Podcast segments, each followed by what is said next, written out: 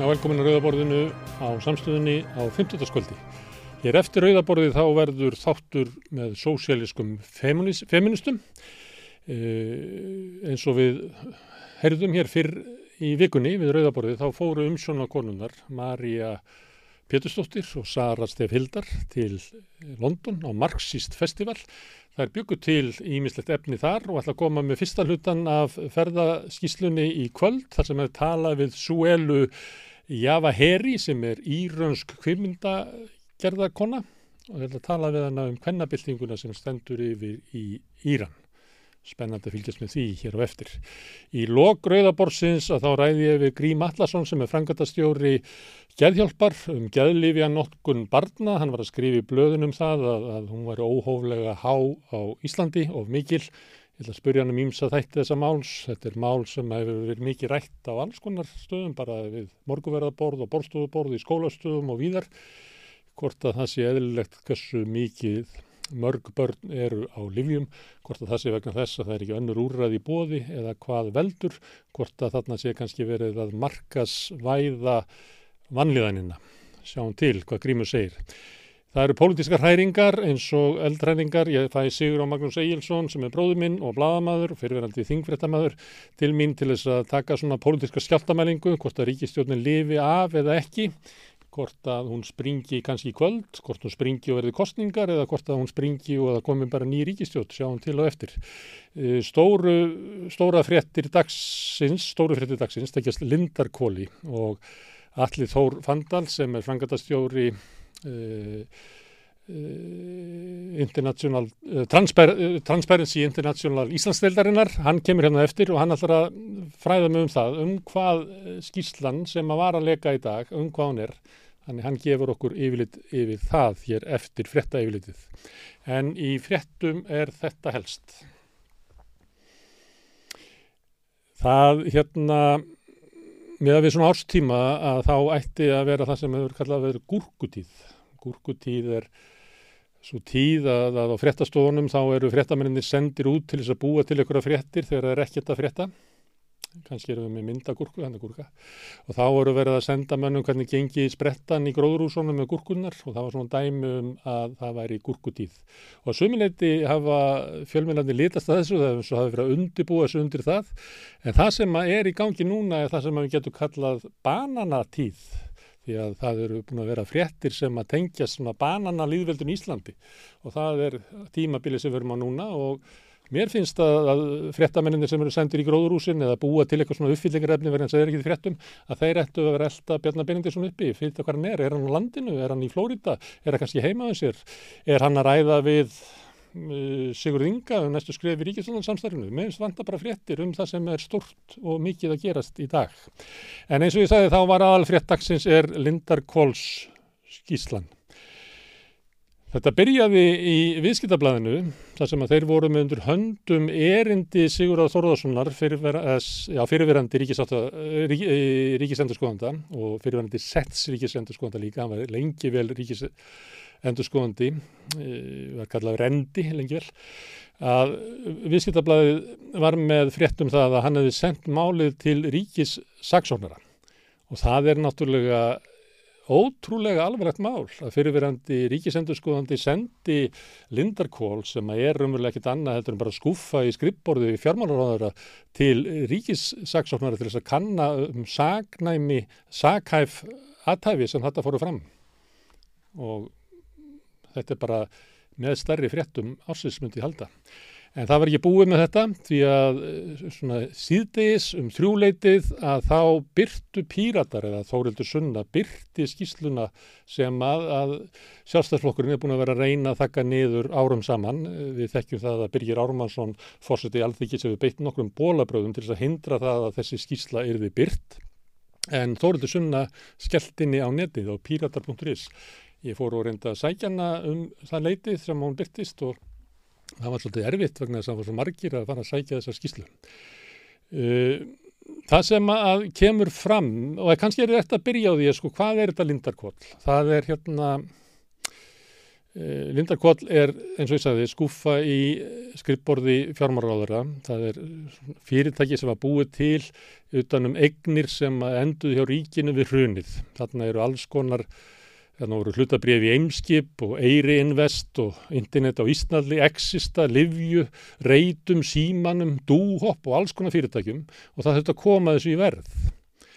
Uh, það sem að kemur fram í skýslunni sem er gaggrinnisvert er hérna, við erum með myndir af fyrirsögnum úr fréttum dagsins þarna Það er til dæmis að eh, þarna voru reikningar án skýringa mikið fyllir í heiði Þórildur Sunnu segja það í frettonum svona þegar fór líð á daginn að þarna væru raunverulega tíu miljardar sem ekki væri hægt að, að hérna væri engin rög, eða sérst eh, ríkisendurskóðandi eða sigurður hafði ekki fengið skýringar á. Þannig að þarna verist að vera ótrúlega miklu peningu sem er borgað fyrir þá sem voru með umsýsluna, alls konar svona eh, suppuskapur sem við konumst við. En kannski það sem er eh, markverðast og er næsta fyrirsöksuður með, það er hversu mikil afsláttur var gefin af fyrirtækjunum. Við tókum þetta saman svona bara brotur þessu inn á, á samstöðinni og uh, þar kemur fram að, að miða við útreikninga sigurðar að þá varu brefin í Eimskipselt með 18% afslætti, í Reitu með 10% afslætti,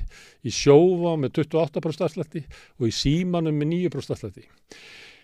Það er erfitt að meta svona því þetta er langt sem það gerðist en ef maður tekur bara munin að e, gengi brefana og miða við e, hlutabrefin sem er í þessum félögum í dag að þá er þetta vannmatið á bara þessu fjóru fyrirtækjum skiptir 20 miljardum 20 miljardum sem er alveg gríðalega uppæð Ríkið áttur náttúrulega ekki öll brefin í þessum félögum en það sýnir svona hversu raglega var staðið af því að meta virði fyrirtækjana og það sem að fólk grunar, það sem hafa búið á Íslandi og þekkja til Íslandska stjórnvalda, þekkja til sjálfstæðsflokksins og Bjarnar Bjarnarssonar, það sem fólk trúir að, að það hafi verið vannmatt sem var raunverulega ákveðið vegna þess að það átt að koma þessum eignum í hendunar á einhverjum sem að sjálfstæðsflokkurinn eða Bjarnar Bjarnarsson taldið ættið skilið að græða ógeðslega mikið á því að taka yfir eignir almennings og greiða fyrir þær tombólu prís.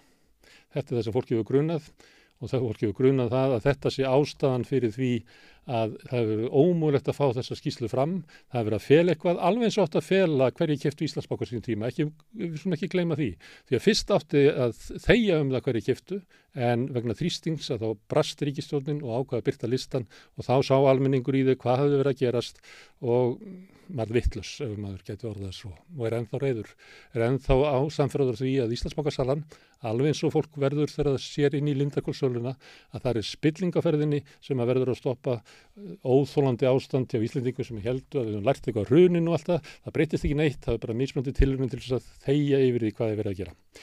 Herðu miðflokkurinn, hann óskaði, uh, óskaði eftir því að þing komið saman, ég veit ekki hvað verður því minnst þetta sjálfsögkrafa, þetta taka, allir flokkar að taka út í það, að, að þing kemi saman til þess að ræða það sem að stendur í þessari skýslu Sigurður. Þingið hefur búin að vera að fara fram á að geta les, eh, lesið skýsluna og fjallað um hana eh, mánuðum og árum saman. Þannig að mér finnst þetta rétt hjá miðflokkurum. Miðflokkur var svolítið í fréttunum líki í morgun vegna þess að, að Bergþór Ólásson var að skrifa grein í mokkan þar sem hann var eiginlega að segja út af öðru máli sem út af kvalamálinu að það væri eiginlega hægt að mynda ríkistjóðni í kvelli og þá var hann að segja það ef þið hendið vafki út og þá eru við í miðflokkurum til að koma inn.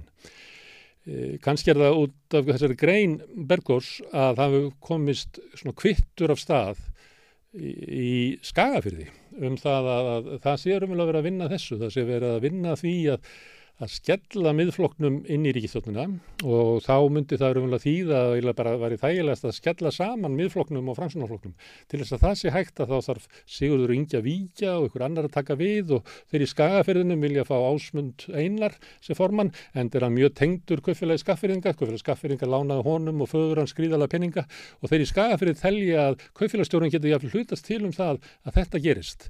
Og þá eru við komið með 32 manna ríkistjórn sem er til að lefa kvalviðar til í að skera niður ríkisútgjöld, til í að stoppa hingakomi flottamanna og gera margt annað sem að uh, sjálfstæðisflokksfólki og framsvonar mönnum finnst að vafki standi vegi fyrir.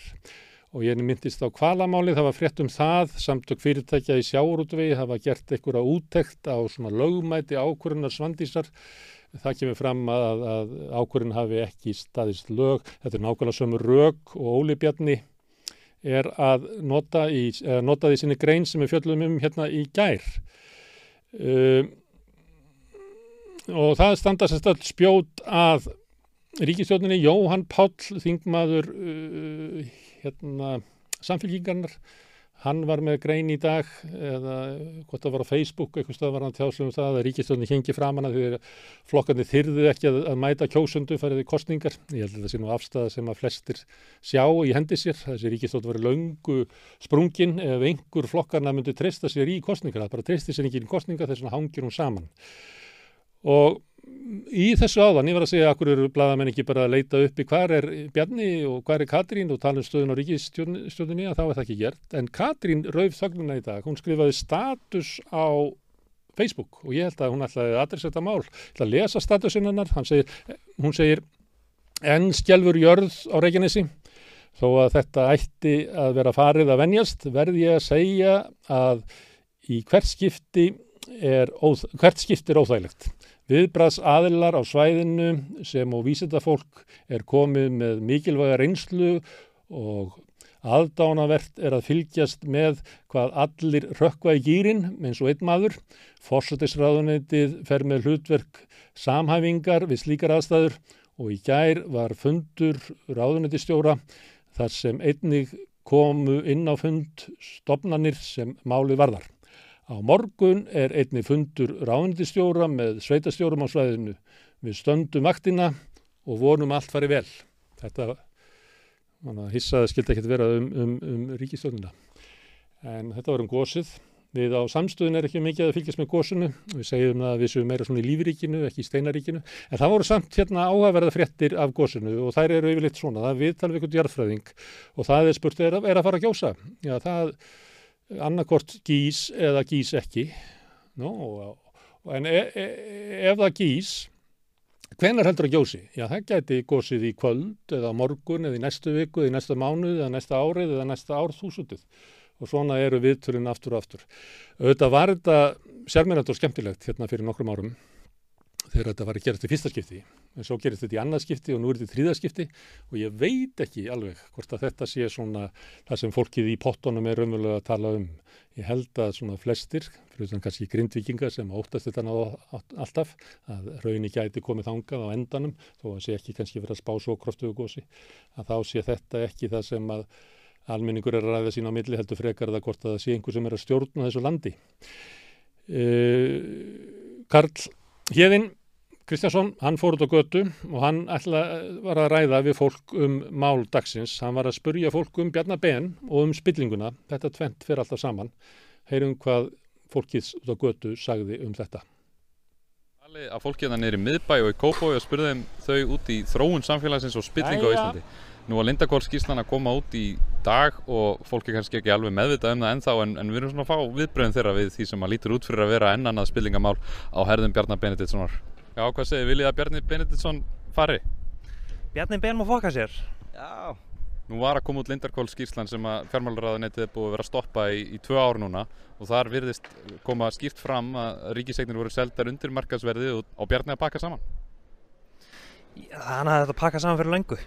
Sko þannig að það kemur öruglega ljós að hann voru eignir ríkisins seldar á undirverði sem er mjög algeng leið fyrir fólk til að búið til pening án þess að vinna almennilega fyrir honum og Bjarni er náttúrulega í forsvari fyrir svoleiðis atbyrðarás hann stiður svoleiðis sluti og, og hann verndar þau sem er að stunda þetta og hefur öruglega stundið það sjálfur einhvern tíma þannig að það gerist ekkert fyrir að almenningur vaknar og átt að sjá því að jújú, sjálfstæðismenn stiði alveg atvinnuframtakið og, og, og frelsi og líðræði en þeir eru líka að stiðja bara sín eigin klíku. Og ef þú ert ekki í klíkunni þá ertu bara úti og þá græður ekkert að þau kjósa þá. Það ánæði með alþingismennina núna, finnst þér svona þróunin vera góð þar, menningin í alþingismennum? Alls ekki, alls ekki. Þeir, þeir bara, þeir veit ekki lett hverju að gera og, og við þurfum að borga fyrir það. Það er bara svo leiðis. Sko ég er náttúrulega, ég hef alltaf ágjörðið því að við kjósundur, við kjósundur í, á Íslandi, við verum að gefa spillingaröflunum allt og mikið aðkvæðum í kostningum. Þannig að þau geta alltaf viðhaldið völdum, sko. Er svona fámenn, fámennur hópur, fámenn klíka sem eru með klædnar í öllu og þú veist, þau ekki hafa svona mikið pólitísk völd. Valdið á að vera hjá almenningi, hlutfarslega, skilur. Þannig að ríka 1% á bara að hafa 1% valdsins. Finnst ykkur samfélagið að vera að þróast í rétta átt svona almennt á Íslandi? Ná, upp og niður, það er gott og slæmt en svona fyrir meiri partin hafa þetta búið að fara svolítið niðurleið. Það þarf að taka á spillingunni. Já, segi það. Algjörlega. Finnst þér samfélagið vera að þróast í rétta átt? Ég er nú eiginlega ekki til, kannski sísta völdu tilbúin að svara því því að ég er bara ekkert spilur í því en, en ég finn það bara á sjálfum mér að ég er að þróast í rétt átt og þess vegna er ég að gera mig vonur um að aðrir sé að því líka.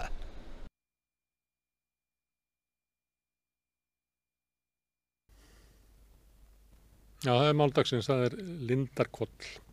Allir þó þandal er hingakomin. Velkomin. Herðu, ég er að vona til þess að þú geti útskýrt fyrir mér og hlustundum hvað stendur í skýslu Sigurðar sem að ja, sjálfstæðsflokkurinn hefur barist á hæl og nakka við að forða því að, muni koma fram. Já, ég er svona kannski aðeins en þá að melda sko hvers vegna hérna það gengir svona langt í því að fela þetta uh, en hins vegar kannski það sem að stendur hérna er að það er ríkisegnir eru seldar á undirverði ég held að það sé það er kannski svona það mál sem verður öruglega sko reynda þvæla með sem mest. En það er Þessi það er sem að eftir á skýringar og Já. svoleiðis. en það eru þetta það sem að settur ríkisendurskoðandi er að skoða og hérna uh, það getur verið að menn hafi verið svolítið viðkomið fyrir því Mm.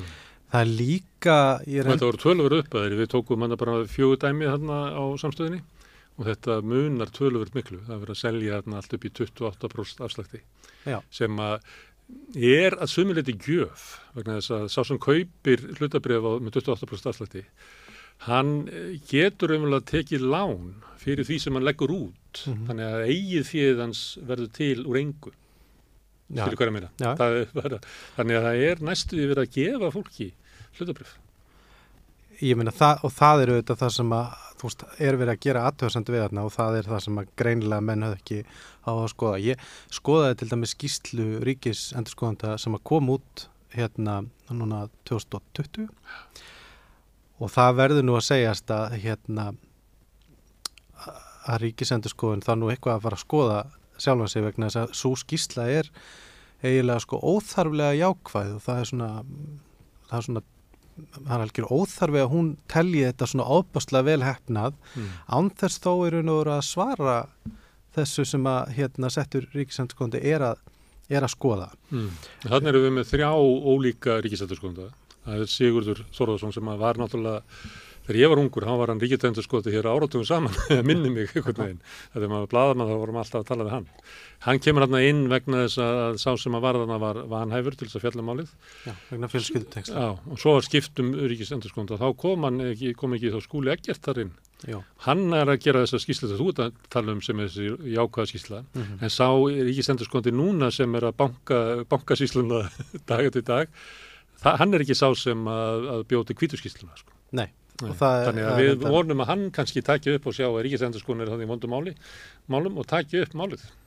Já, ég myndi allavega að vona það vegna þess að hérna, þó svo að þetta raun og búið að fara hérna ekki þrjá ríkisendurskoðandi þá, þá hérna, er mjög mikilvægt að maður upplifi ekki, eða maður sé ekki að lesa út eftir ríkisendurskoðana með þetta alltaf sko í kollinum bara Mm. býtuð þú veist er.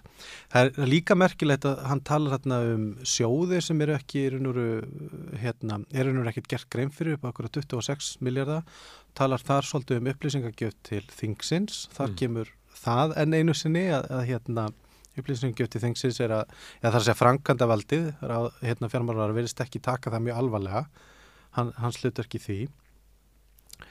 Uh, svo eru hérna hvað 10,6 miljardar greiðslum frá Lindarkól sem að hérna, Lindarkól sem að hérna sem að er ekkit almennilega hægt að gera grein fyrir Nei. það er svolítið mikil peningur það er ekkit einhver smáælu peningur Nei. sko og það er nefnina til dæmis að stundum það eru hérna tvær fæstur sem eru með eitthvað svona skýringu bara eitthvað svona uh, klakkar eða eitthvað þú veist, engin svona nánari skýring uh, það sem er líka kannski stóra sagan í þessu í raun og veru er hérna líka þessi sko þessi yfirhelming, þú veist, hún Mm. er viljandi það, kemur, það er mjög vel farið yfir það hvernig sko samskipti ríkisendurskóðanda eða svona sett ríkisendurskóðanda við Lindakoll bara vestna og vestna og vestna Mm. hvernig seðlabankin Þeir byrja að svara honum vegna þess að haldi þetta sé nú bara eitthvað venjulegt okkar maður að kanna þetta og gefa okkur svona góða engun svo þeir byrja að sjá að spurningarnar og hvernig þeir harna að þá fara þeir að verða bara tregari til þess að svara þanga til að það er bara skipt um ríkisendur sem getur þú tekið málið af honum og haldið áfram. Já, hann Þetta talar, þetta, þetta virkar þannig um, en hérna, Og Skúli Eggert, ef ég má gripa Já. fram í þér aftur, Skúli Eggert, þetta er ekki fyrsta skipti sem hann kemur svona einhvern veginn á vegum hérna, kerfisins við að stoppa eitthvað. Hann til þess tók við að indriða Þorláksinni sem er skattstjóra sem hafði raunverulega keirt upp svona öfluga deild til þess að skoða starri fyrirtæki og annað slíkt. Mhm. Hann var fengið þar inn til þess að sko að hæja á skattur. já, það er bara þannig. og svo var hann sjanghæðar yfir til hérna nýsraðanettins nýlega. Uh, en, en það er mjög merkilegt sko, hvernig hann lýsir því, hvernig bara raun og veru, hann ta, í, í þessari samantætti mikið talað um sko aðganga frumgögnum og það virðist bara hafa verið lífsins ómögulegt. Þar nefnir hann Lindar Kól, hann nefnir Seðlabankan Mm. og hann nefnir ráðunettið. Uh, hann nefnir auðvitað líka hérna Íslög sem að hérna, að því að er og veru sér um að reka þetta batteri. Þetta var bara enga, svona Já. til engaðila.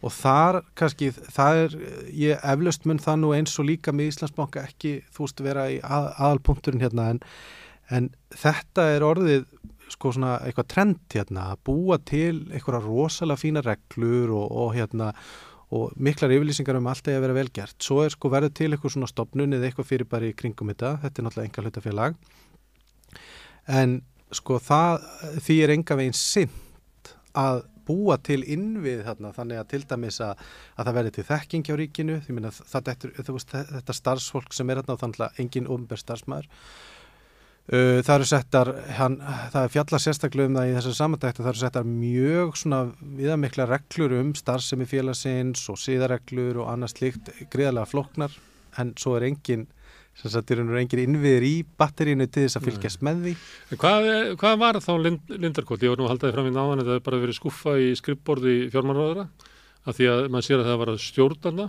þrjármanneskjur mm -hmm. sem að voru að, að sísla með óheirilega regnir. Já. Voru það bara þryggja manna stjórn sem að síðan hérna, gerði eitthvað samning við eitthvað lögfræðist út í bæ til að sjá um þetta. Já, og fjársýsla uh, ríkisins sér um svona bókaldsþjónustu og það er alveg sérstaklega tekið fram í samantæktinu að fjárs, fjársýslan hafi óskað eftir gögn, frekari gögnum og, og þú og haf, virðist hafa staðið sér mjög vel. En ekki fengið gögnin. Nei, en ekki fengið gögnin. En þetta fyrirbriði er ekki, þótt þetta heita eitthvað Lindarkot EHF, þá er þetta ekki svona, maður geti haldið þetta að vera stopnun eða fyrirtæki, eitthvað svona sem væri sjálfstætt, en raunverulega er þetta það ekki. Nei, kannski ljótt að tala um þetta svona, en þetta er svona einhvers konar kista fyrir alls konar eigni sem að ríkið fær, þar að segja önnur en fjármála fyrirtæki Og marga langar í. og marga langar í uh, og uppalega stóð held ég til að Sæðlabankin sæi um þetta, Mm. svo er hérna verður breyting hérna, kemur frá meiri hluta uh, ég held að þessi meiri hluta hérna, efnarsnæmdar, ég, ma- ég man ekki nákvæmlega hvað nefndar, Mm. svo til að breyta þessu og láta, að í raun og veru ráðuneytið skipa stjórnina og, annars líkt Mm. þetta er í raun og veru það er margt sko áhafverð við þetta bara eins og með bankasýslina, þú veist að menn búa til eitthvað svona ímyndaða þú veist sjálfstæða einingu Já, já, sem að svo- ríkisendur sko núna hefur bent á að er bara hlálegt alltaf fram því að bankasýslan hefur enga burði til þess að sjá um Nei. það verkefni sem henni var hælið. ekki eina einustu og sama er hér. Svo eru þetta sko talsvert talað um það hvernig þessi, sko, þessi hlutir eru metnir Mm. um, og, og það er svolítið svona merkild, það er raun og veru og þannig kemur aftur sko þessi tilneying til þess að, að hérna, einmitt að segja ekki satt og reyna sko að hilma yfir. Það er sko mjög augljóst að það er verið að íkja árangurinn af sölu þessa egna Mm. með því að vera með sko verðmatið á, á flakki. Það fyrir mjög mikil tími, eða þess að svona ágætlega stór hluti af þessar samantækt í það að, að reyna að komast að því bara þú veist hvert er umverulegt verðmat á þessu. Mm. Það er líka gerð aðtöðsendu það að það er aldrei e, það er oft sem er ekki sett neitt sko lámasverð, þú veist hvað ætlum við að fá eða, og, og það er erfitt að fá forsendur fyrir því hvernig þetta er metið. Það er náttúrulega hérna fjalla hérna til dæmis um hvað er það vöru, sal, vöru hérna, algjörlega stólið um núna vöru móttakan eða eitthvað svoleiði sem er Já. hérna þar er verðið lækkað eftir að tilbúðið er tekið Mm. uh, hún verðist uh, Linda hvað þeir verðist hafa sko raun og veru tapa á sölun og símanum Mm. hann er hérna um, maður sá það í gröfum sem eru að inni að sko verðið á þessu hlutabröfum hækkar mjög skart eftir að sala fyrir fram. já, Svipað og gerðist með Íslandsbanka í fyrsta útbóðinu, þar sem maður frelta á, ég maður ekki, var ekki 117 eða eitthvað. Og þá voru það alltaf að reyna, að nei það var 90 og eitthvað, það var langt undir sko 100. Þarna í fyrsta sem að þótti svo vel lukkað í dag. mm já, að þá var verið að reyna að þjarka um það sko fram eftir öllu ári að, að, að verðið hefði verið eðlilegt og þetta verið gott en það var selt með sko stórkostlegum afslætti sko. mm Þannig að það er sama aðferðin er notuð í Íslandsbókarsölunni og í þessu. Já og það sem þetta er svipaðaferð og, og það sem að sko, það sem er svona svolítið hættulegt við þetta og ég veit að þetta verður ekki vinsalasta umræfni en er sko þú veist, hvernig, þetta er, hvernig sko yfirbragð, fagleira vinnubragð er misnota til að fela í raun og veru bara, þú veist, þetta er bara eins og brask og brall einhvern veginn, þú veist, þetta er bara þeir eru að senda ykkur að e-maila hérna og, og bara tjekka á þessu.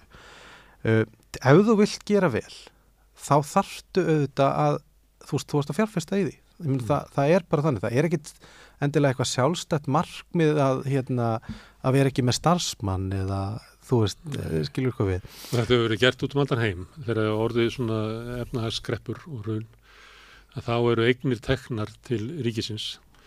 Og yfirleitt er reglan svo að það er búið til fyrirtæki í kringu það sem hefur þólumæði vegna þess að, að menn vita það að eignir sem að rökkva í fangið og ríkinu við runið mm. að það er lang, að meðaltali og til og lang flestar munu hækka í verði yfir tíman Mm og ég man einu svona rakst því á mann sem að vann í svona fyrirtæki eh, sem hafi verið stopnað í Svíþjóð eftir bankakreppuna 1991 þetta var árið 2005 og hann átti svona nokkur fyrirtæki eftir.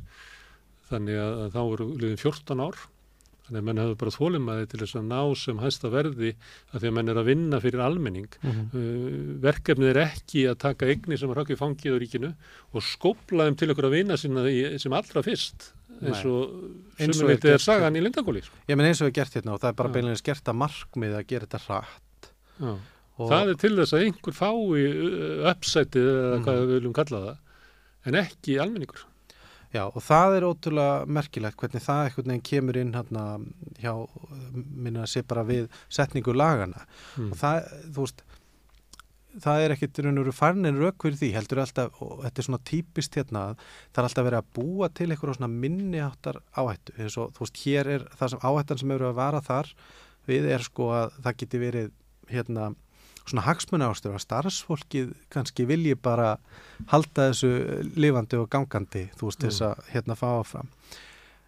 Það stað- starfsfólkið í símanum eða í og Nei, sta, fyrirtæki eh, starfsfólkið í, Í- hérna. Lindakól sko, en, en svona Já, það var ekkert starfsfólk þar lengi, sko, já, eins og var gaggrínt þarna félagi sem að lífyrirsjóðunir áttu og keftu hlut í, í keftu íla eða Æslandir eða hvað það heitir að þá var að vera kvart yfir því að það væri að byrja að lifa svo lengi að þau væri bara á jötunni sjálf já, það hefur verið talað um þetta varandi slíta, Já. eða þróta bú og annað slíkt sko, Já. og þetta er alveg vissulega áhætta en hérna, hér er samt, þetta eru sko 400 miljardar sem eru verið að sísla með þannig að einhvern veginn, þú veist, ég ætla nú ekki að fara einhvern veginn að afsaka það að menn sé að lifa af þessu árum saman en þú veist, þetta er bara, ein, þetta er engar upphæðir í neinu samhengi og stóra áhættan eru þetta að menn geti tekið einhverja snúninga eða fengið Mm. eignir frýtt en langtíma áhættan af því er líka þú veist, aukin samþjöppun í íslensku visktælífa, menn Mm. komast í hérna, þá stöðu að geta bara stýrt hérna, Mm. þannig að og það voru þeir sem að stutt eftir hrun sem höfðu peninga til þess að kaupa þetta voru náttúrulega ekki stór hópur Nei. Nei. og það þarf að hafa það í huga að þegar þú ert að Mm. selja ríkisegnir að þú ert ekki, þú veist, það er ekki þannig að allir siti við sama borð þú veist, það Mm. er bara þannig að engavæðin gagnast þeim sem eiga pening fyrir eða hafa af, aðgang að fjárhafli um, en sko það sem er líka svo merkilegt í þessari skýslu er, þú veist það, það er raun og veru sko, þú þart um, það þarf að vera eiginlega bara eitthvað að þér. Ef þú heldur að hérna, þessi skýsla sig ekki afhjúparinn og sko, mjög svona skipulaðar tilrunni til þess að þeia máliði hel. Mm. vegna þess að ríkisendurskoðun sko, fær ekki aðganga frumgagnum það er einhvern veginn ekki að setja neitt sko, almennlegt skipula utan um það að hann, þú veist, hvernig hann fær gögnin. Uh, það, hérna þú veist, að, að hérna, slita stjórnirnar, þær telja sig ekki geta afhend gögnin vegna samkomulags við Sælabankan, svo tekur það rosa tíma að fá það aflétt. Þú veist, öll skjalavistun og allt saman er hjá hérna, lögfræðastofu sem að er ekkit út í bæ, ég menna hún er líka bara lög, hérna, lögfræðastofa hjá í raun og veru framkvæmstjórunum eða þa þannig er þetta sett upp. Og svo hérna auðvitað er þessu ég meina þessari samandækt, þú veist, þingið er búið að hafa þetta heil lengi. Mm. uh, það hefur verið mikið barótta um það. Þannig að hérna þó svo að auðvitað sko sé það sem var að vera að leina er að hér var að vera að selja eignir á undirverði og þetta var ekki gert með mjög svona faglegum hætti. Mm. En það sem að er kannski stærra máli í svona til lengri tíma er að þetta er svona enn ein röksendin fyrir því fyrir fólk til að treysta ekki kerfinu. Þú getur einhverjum ekki treyst því að fjármálraður að segja satt. Það er mm. svo, svo sem held ég margir búin að átt sig á því fyrir löngu. Þú getur ekki treyst því að stjórnsíslan í kringum þetta sé almennlega og getur ekki treyst því að seðlabankin, þú veist, veitu upplýsingar og það, það er bara það er mjög hættulegt, ég meina það þýðir ekkert fyrir stjórnmálamenn að vera einhvern veginn alltaf að kvarta yfir því að enginn hlusta á neitt og þessu mikið vantraust og það verða alltaf allir brjálæðar ég meina hvað er fólk að þurfa að verða brjálað til þess að þetta komi fram? Og svo auðvitað bara En það sem þú ert að segja er að, að þeirra aðeins sem þú taldir hann upp er ekki að vinna fyrir almenning heldur fyrir eitthvað allt annað. Þannig já, ég, við erum bara í einhverju fyrirbriði í þessu samfélagi sem sem að, þeir sem að fara með vald almennings er ekki að vinna fyrir almenning. já, ég er líka að segja bara að þú veist, þetta er ekki klúður menn veist, þetta er verið viljandi að fela sig á baka klúður, það er svona þetta er svona vopnavætt, vopnavætt hérna, inkompetens eða veist, vanhæfni. Það sama með í- í- Íslandsbankasöluna, mjög hættur þetta að tala um að það hafi verið mistök, þetta voru ekki mistök. Nei, Það var ákvörðu, viljin var að koma eignunum í hendunar á þessum aðrum já, á undirverði. en þú veist, það er til, það er til dæmis áhugavert í þessu, ég meina þetta með hennar hraða þú veist að rökin fyrir þessum hraða eru fyrst og fremst það að, hérna, að við völd er stjórnmálflokkur sem þólir ekki að ríkið eigin eitt Nei. ég meina það er, þú veist, þetta er bara eitthvað svona hugmyndafræðileg rök þetta, þú veist, og það skiptir einhver máli til eða frá hvort þetta tekur sko þrjú ár eða, eða fimm ár ef að það er að ná fram meiri hagnaði Mm. Fyrir ríkið. Ekki nefnum hún sért sjálfstaflokkur sem vil bara losna við þetta. Það verður bara ávinningi sjálfum sér að koma e, ríkisegnum eða almenningsegnum í hendunar á enga fyrirtækjum sem allra fyrst. Og það skiptir auðvitað þar leðandi litlu máli hvað er borga fyrir það. mm ég meina það verður svona nokkuð ljóst. Svipa, á bankasíslan sagði að röki fyrir því að hefur lukast vel var að verðið hækka svo mikið á eftir sem að frá þeim sem að horfa á frá hagsmunum almennings er það að, að eignina voru seldur á svo uh, raklegu verði. Já. Þess vegna hækkaði bara leið og eignina skráð. og fjármálráður hefur reynda að benda á það að hlutu ríkisins í orðið miklu meira virði Já, núna já. en það skiptir einhver máli nema ríki ætla að selja þetta en nú Já. getur líka bara Já, tekið hagnaðin hann var alltaf sama virði það breytist ekki þótt að vera skráð í kaupilinni sko. Það jóks var ekki tilnitt peningur þetta er bara sama eignin sem er það og þetta skiptir þetta einhver máli nema ríki sér að selja þetta mm. þú ert eiginlega að segja líka að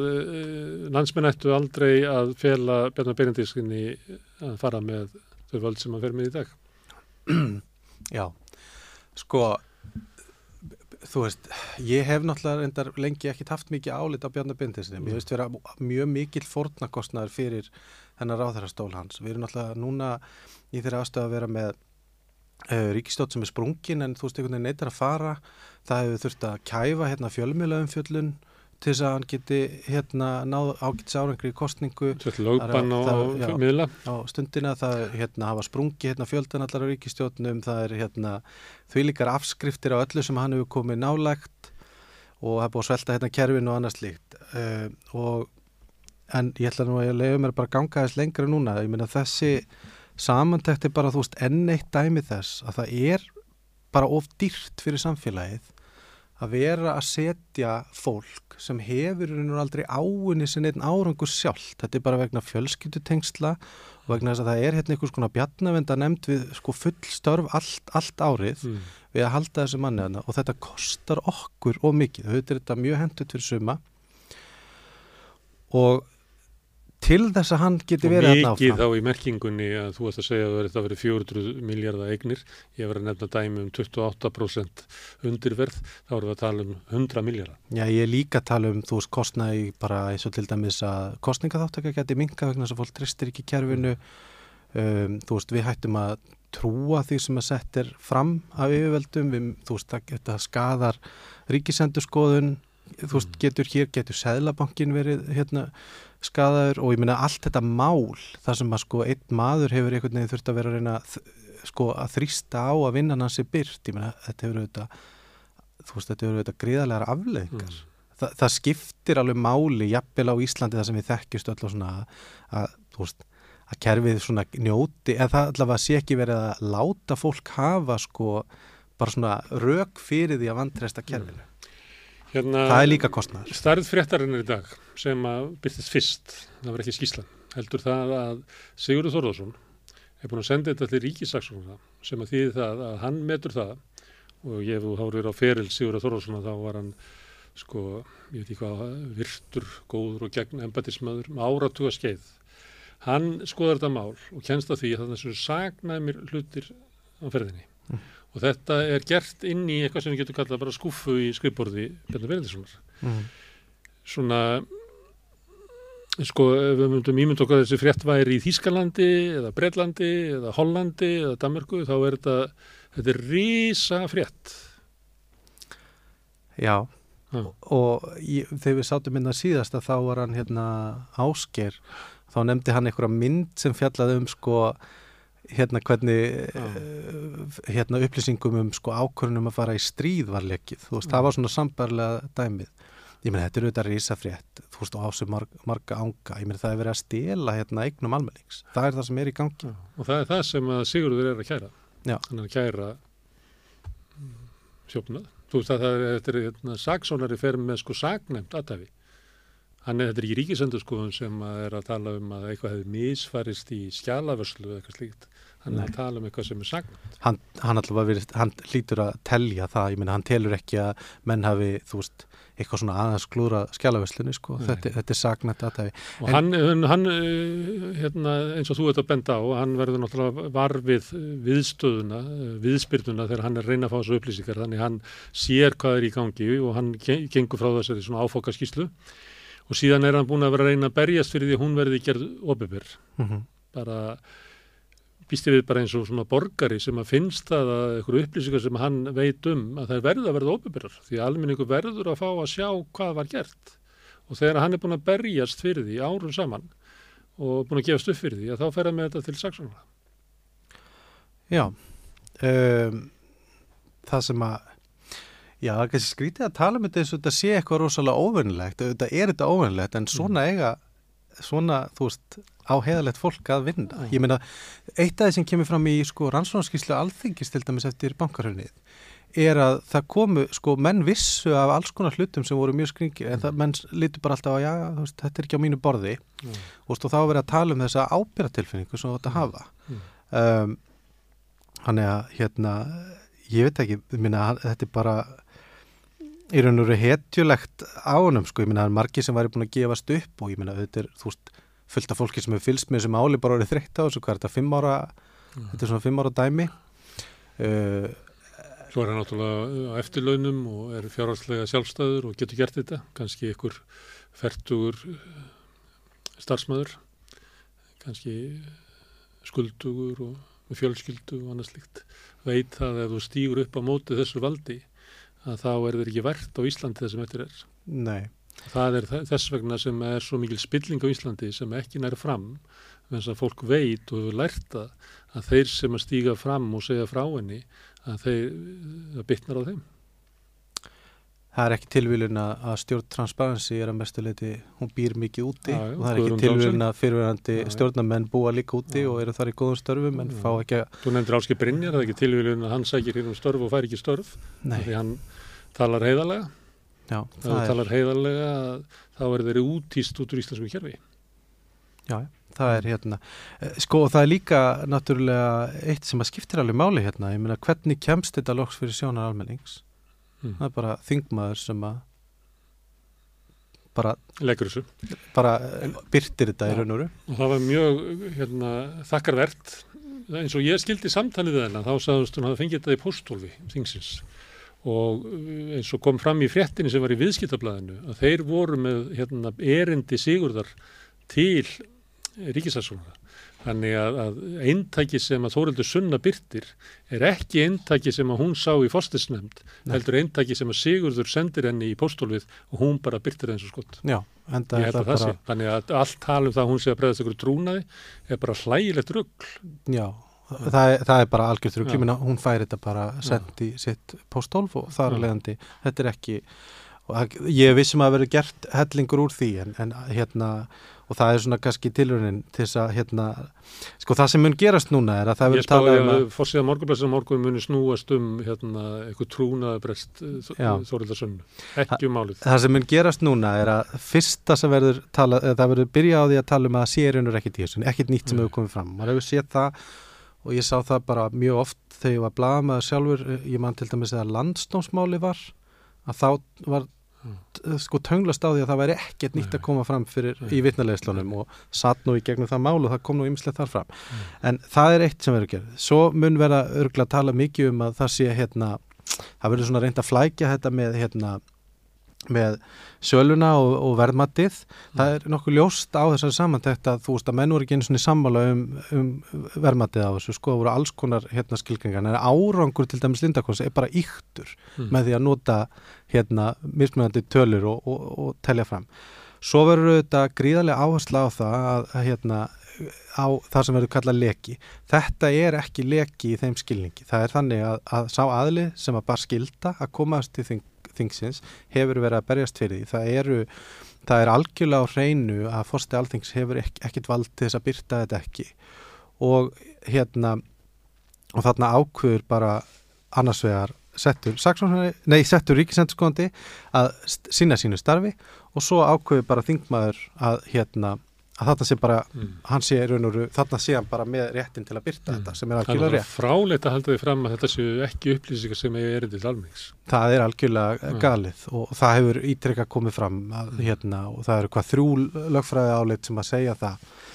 En, en þetta er líka áhafverð kannski út af því hérna, að þessi tilraun að vera alltaf að leina þessu, þetta, Mm. þetta kemur fram einhvern veginn í öllu.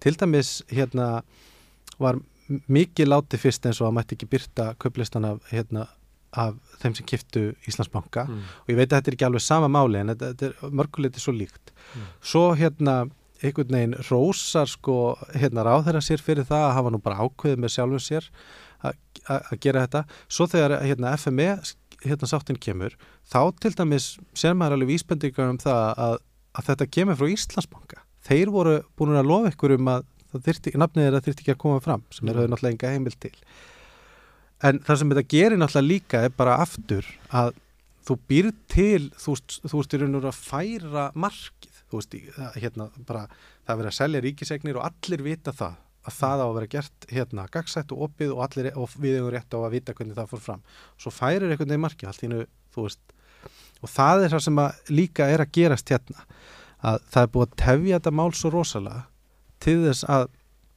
veist, byrta ekki þetta. En samt þegar maður hugsa út í það þá voru maður náttúrulega búin að geta sér til um þetta. Ég meina það hafa verið hérna, það hafa verið málsóknir út af þessu. Uh, var, fekk til dæmis úrskur á sig hjá hérna, hvað úrskur að nefnd upplýsingamála. Mm. þeir hafðu talið að þeir getur lofað fólki nafnlend við söluna Mm. sem að auðvitað var ekki. Þannig að þetta er þetta mál kannski því miður mun þú veist einhvern veginn, þetta fer í eitthvað svona hít sko, þetta er hérna, það er verið að engaða bankan aftur og menn hafi ekki lært neitt. Svo er þetta hérna og vissulega kannski fer þetta fram fyrir nokkur árum en menn lærði ekki einu sinni að svara kallinu þegar að koma ykkur rættuðasendir Mm.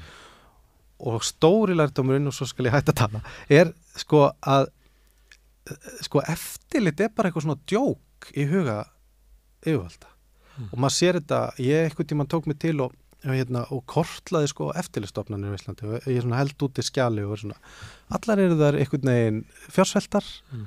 uh, markaðir að hafa þurft að tala um umberlega uh, svo er verið að þrengja getinu þeirra og, og hérna Svo Svo- sagði áðan að sjálfstæðarflokkurinn vildi ekki að ríkið ætti neitt. Sjálfstæðarflokkur vill heldur ekki að ríkið hafi eftirlit með neinu. Þau kallar þetta eftirlitsýðnaðin og telja að vera bara markmið sjálfur sér að veikja það, veikja Mhm. skattrannsónir, veikja samkynnseftirlit, veikja allt eftirlit mm til þess að þeir sem að fara með eiga penningana geti nokkuð veginn gert það sem þau vilja. Það er bara stefnan flokksins. Og þetta er ekki að klappa fyrir þessu á, á hérna landsvöldum. Já, og þetta er náttúrulega kannski, þetta er líka þegar þú hérna myndar ríkistjóndarsamstæð þá þarftu að, að velta því aðeins fyrir með hverju mert að fara í samstarf með. Ég meina Mm. þetta er stefnað þeirra.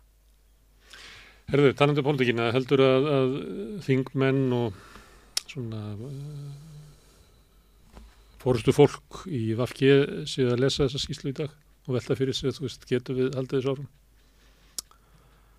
Ég vona það. Það hefur nú samt reyndar verið mín reynsla af samskiptum við stjórnmálafólk er að það hefur oft minni áhuga á þessu heldur en þú myndir halda. Hmm. Um, spillingu? Nei, bara pólitík almennt, þó það séu stjórnmálamenn sko. Þannig að ég svona ég gerir á fyrir að ykkur sé að ég gerir á fyrir að þeir sem að hafa tamið sér það að mæti vinnuna Hmm. uh, þeir sé að því og þetta verði til umræði Hmm. en ég verði eiginlega viðkynna að ég held að hinn séu bara í fríi Ok, herðu. Kæra þakkir allir fyrir að koma hingað og fræða okkur um skýsluna sem að byrtist í dag. Við ætlum að halda áfram að tala um þetta mál, kannski frá öðru sjónarhóli, að Sigurón Magnús Egilson, bladamaður og bróður minn, hefur komið hérna tvær síðustu vikur að tala um pólitíkina, af því að okkur grunar um að, grunar að það sé eitthvað að skella á. Ég ætla að tala við hann um svona pólitísk áhrifin að þessu máli hér eftir auðvitað.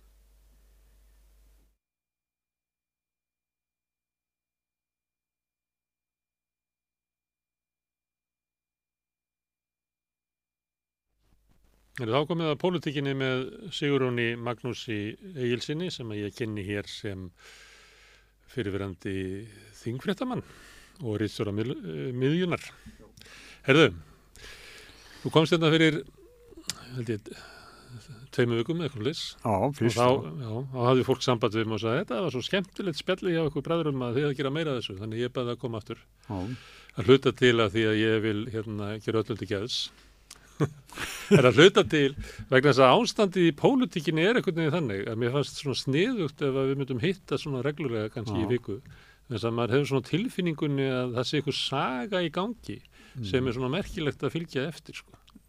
í sem er í dag. gangi núna Já, það er, já er, er það, er þetta ekki svona óskrifu saga? Já, ég segi það, Já. en þetta eins og var ég á fréttatímanum Já, og þá um svona sumar og þá fekk ég eitthvað svona hérna þegar maður er með gammalt fréttanef þá fekk eitthvað svona, við verðum að fylgja eftir hérna bandarísku kostningabaráttunni svona almennilega. Og það var í aðdrand þess að Trump var kosin og ég fekk Magnús Helgason Já. með einhverjum, ég man ekki hvað það var 15 vikna fyrirvara að skrifa eina frétt í viku því að það væri eitthvað stórkvæmslegt að fara að gerast. Þannig að þetta er svona út af þessu sem ég er að nefna þetta að fá þig svona til þess að koma einu sinni í viku. Af því ég var tilfinningunni að við séum að fara í gegnum einhverja atbyrgarás sem áttur að verða eftirminnileg mm. og aðteglisverð og endurinn verður óvendur já, nú ætla að segja reitt, sko, að því þú sagði ég er fyrirvændi þingfréttamaður. Já. Þegar ég var á þinginu, að, að skrifa frétti þaðan, að þá var það þannig að það var, mikil átök í þarna viðiðastjórninni og mm. kreppa á staðan var, og, og uh, fjárlögu voru erfið og allt þetta mm. og mikla krísur sko. Það voru átök milli krata og, og sjálfana og ég er að og fylgjast innan eftir. kratana á milli Jóns og Jóhannu Já, og svo innan líka, já, en þarna á milli sem er flokkana var, var þetta svona, svolítið harka. Og þá sagði einn ráðherra sjálfstæðisflóksins við mig hvað er mokkin? segir hann, ég, ég veit ekki á hverju spyrir mig hvað mokkin er. Þá segir hann, nei þetta er svo dæmigjert að þegar sjálfstæðisflokkurinn á í einhverjum erfileikum þá hverfur alltaf mokkin mm. þá hætta þeir bara að reyna að fiska fréttir að gera eitthvað með það og bara hvað er mokkin og, og hvernig verður mokkin sko núna þegar öll spjót er að beina stað þeirra mönnum sko. það er nú svona tíðindi kom úr mokkanum það var grein Óla Bjarnar í gær, Já, já. hún var svona tíðindi og svo er það eitt sem að Moggin gerir núna. Það var ekki er vel að Moggin er með svona sérstaka aðferð núna til þess að fjallum þessi mál. Já, þá eru það þarna bladamenn Moggars hérna, sem að tala okkur við annan. Ímist í dagmálum eða í podcastættinu þjóðmál. Já. og núna í gærkvöldi voru þeir með hérna, þátt í þjóðmálum sem. Andris Magnússon og allt saman voru þrýr bladamenn morgunlösins þar sem við voru að tala um uh, að það væri eiginlega óþólandi fyrir sjálfstaflokkin að vera í þessari ríkistjórn Já, og sérstaklega uh, óþólandi eiga nokkurt samstarf við Svandísi. Já, en að þetta tímabil þar sem að væri verandi ríkistjórn með vafki væri bara búið. Þannig að finnst það svolítið kostulegt að því að þeir eru ekkert kannski svo mikið að segja fréttir af þessu þeir Nei. hittast alltaf, þetta Já, er svona sami þetta að strákaklúburinn, það var Já. ein, ein kona með þeim núna sami strákaklúburinn sem að talar alltaf svona um pólitík já. og þeir hafa verið að tala þessa ríkistjórn eiginlega bara niður Út af borðinu. Já. Já, en Og það úr hægrinu hefur líka komið að við erum átt að sjá svona tón í þessum öllum þessum nafnlusu pislum viðskiptablassis já, sem þeim dugar ekki, ekki eini stakstirar, ég held þessum með sjö eða átta svona uh, nafnlausa skoðana. já, það er þá jafntefli. Staksteinar er sko daglega, sko. Já, já. Já, nei, ég segi, nei, þetta er alveg mjög mikið af þessu. Já, það sem er að svona skjóta á anstæðinga sína, mikið.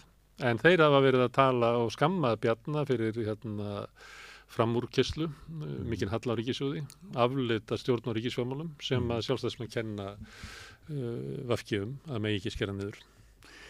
Bjarni er sko fjármála efnaðsráðara, þannig að ef ekki einhver illa efnaðsmálunum, þá horfum við fyrst á hann, Já, er það ekki? já, Já. það er En einu þetta er svolítið viðkvæmt við þeim, en stundum sko opnaði sér bara og tala, skjóta fast á Bjarni og það gerir Davíð oft, sko.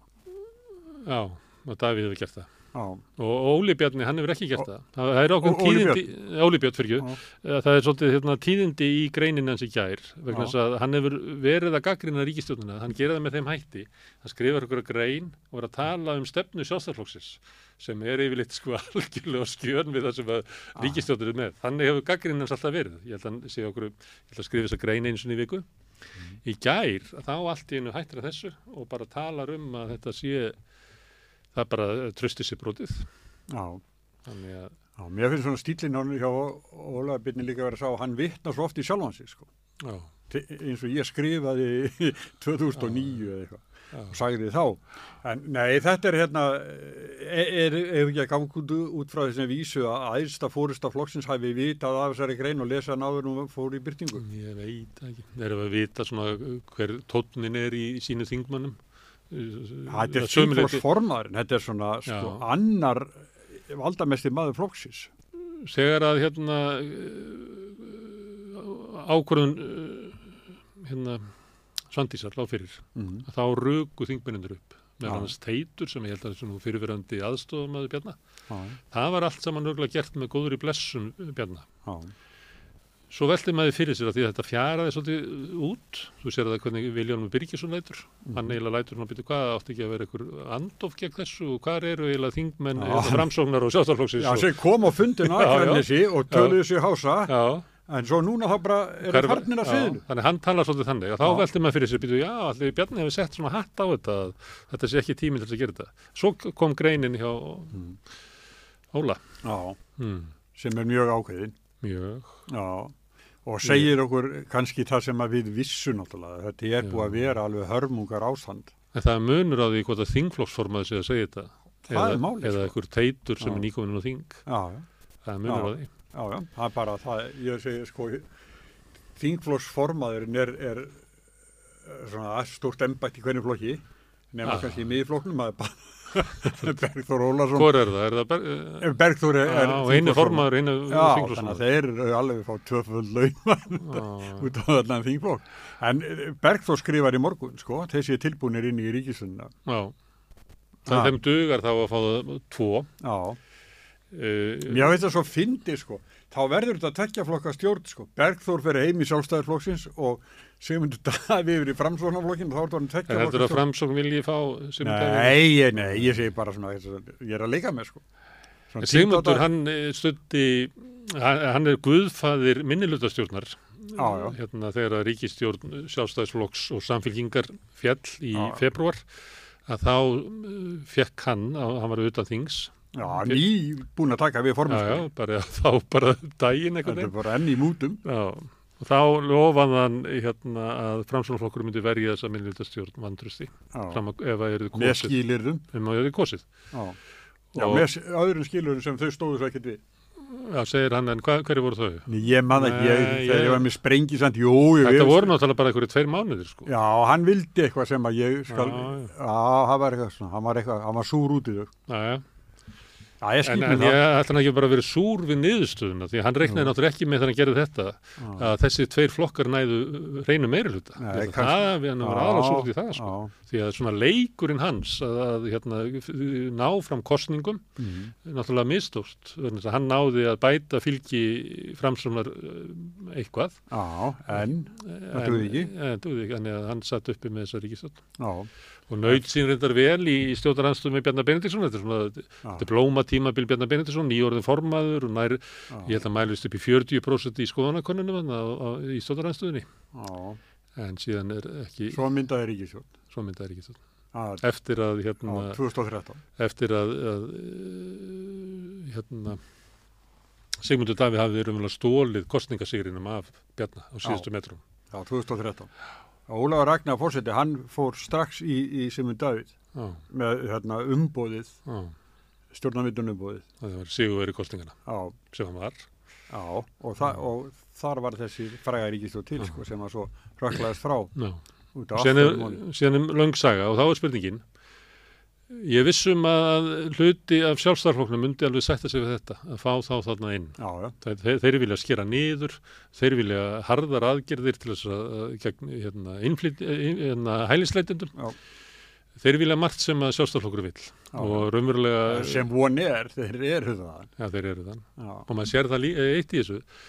Eh, þegar maður skoðar spurningar til þess um innflytjandamál og annað slíkt uh, jáfnvel um hérna réttindi hérna transfólks eins og var byrt um daginn þá er kjósetta hópur sjálfstaflokksins og miðflokksins er alltaf alveg eins já, þannig að þetta eru flokkar sem eru að sækja nákvæmlega sama Já. fylgið þótt að sé Já. kannski örlítið blæbriðamöður á Já. hvernig þið tala sko. já. Bjarni stimplaði sér þar inn á, á Já, Bessastöðum já, og já. tröppunum á.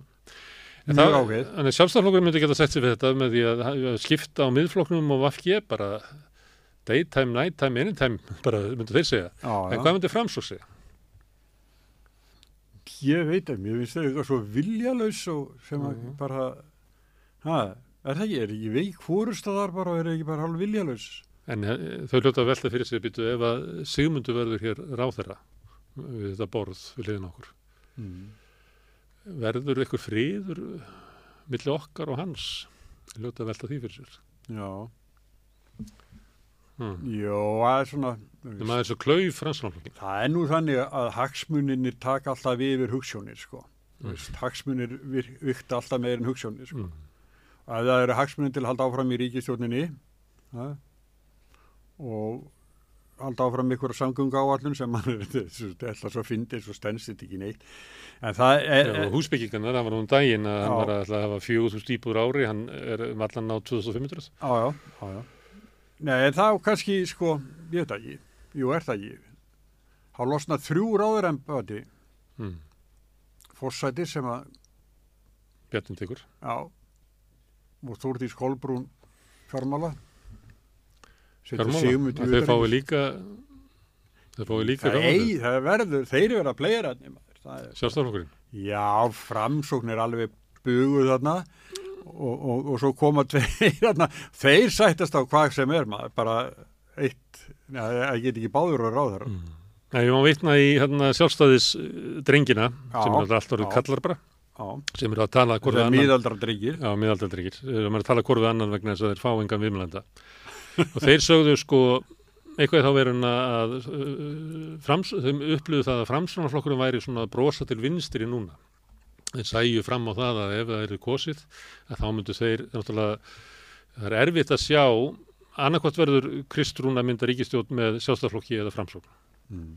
Og þannig ef hún myndar ekki ríkistjórn með sjálfstaflokknum að þá er, hérna, þá þarf framsvon að hugsa, myndu okkur líða betur í ríkistjórn með samfélgjíkunni og einhverju dóti öðru, Já. hugsaði líklega.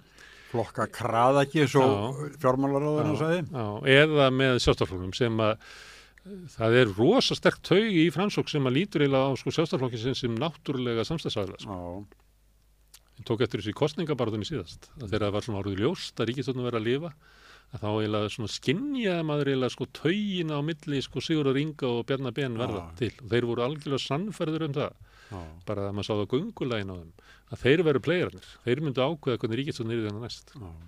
Er það ekki? þeir gerðu það Já, þeir voru líka svo, framsókn mældist vel í skoðanakonunum og þetta. Já, Þeir, náttúrulega, er, er, ekki bara best að kjósa framsókn, bara er það fjölg, eh, sko, þeirra. já, Eins ótrúlega það nú er. já.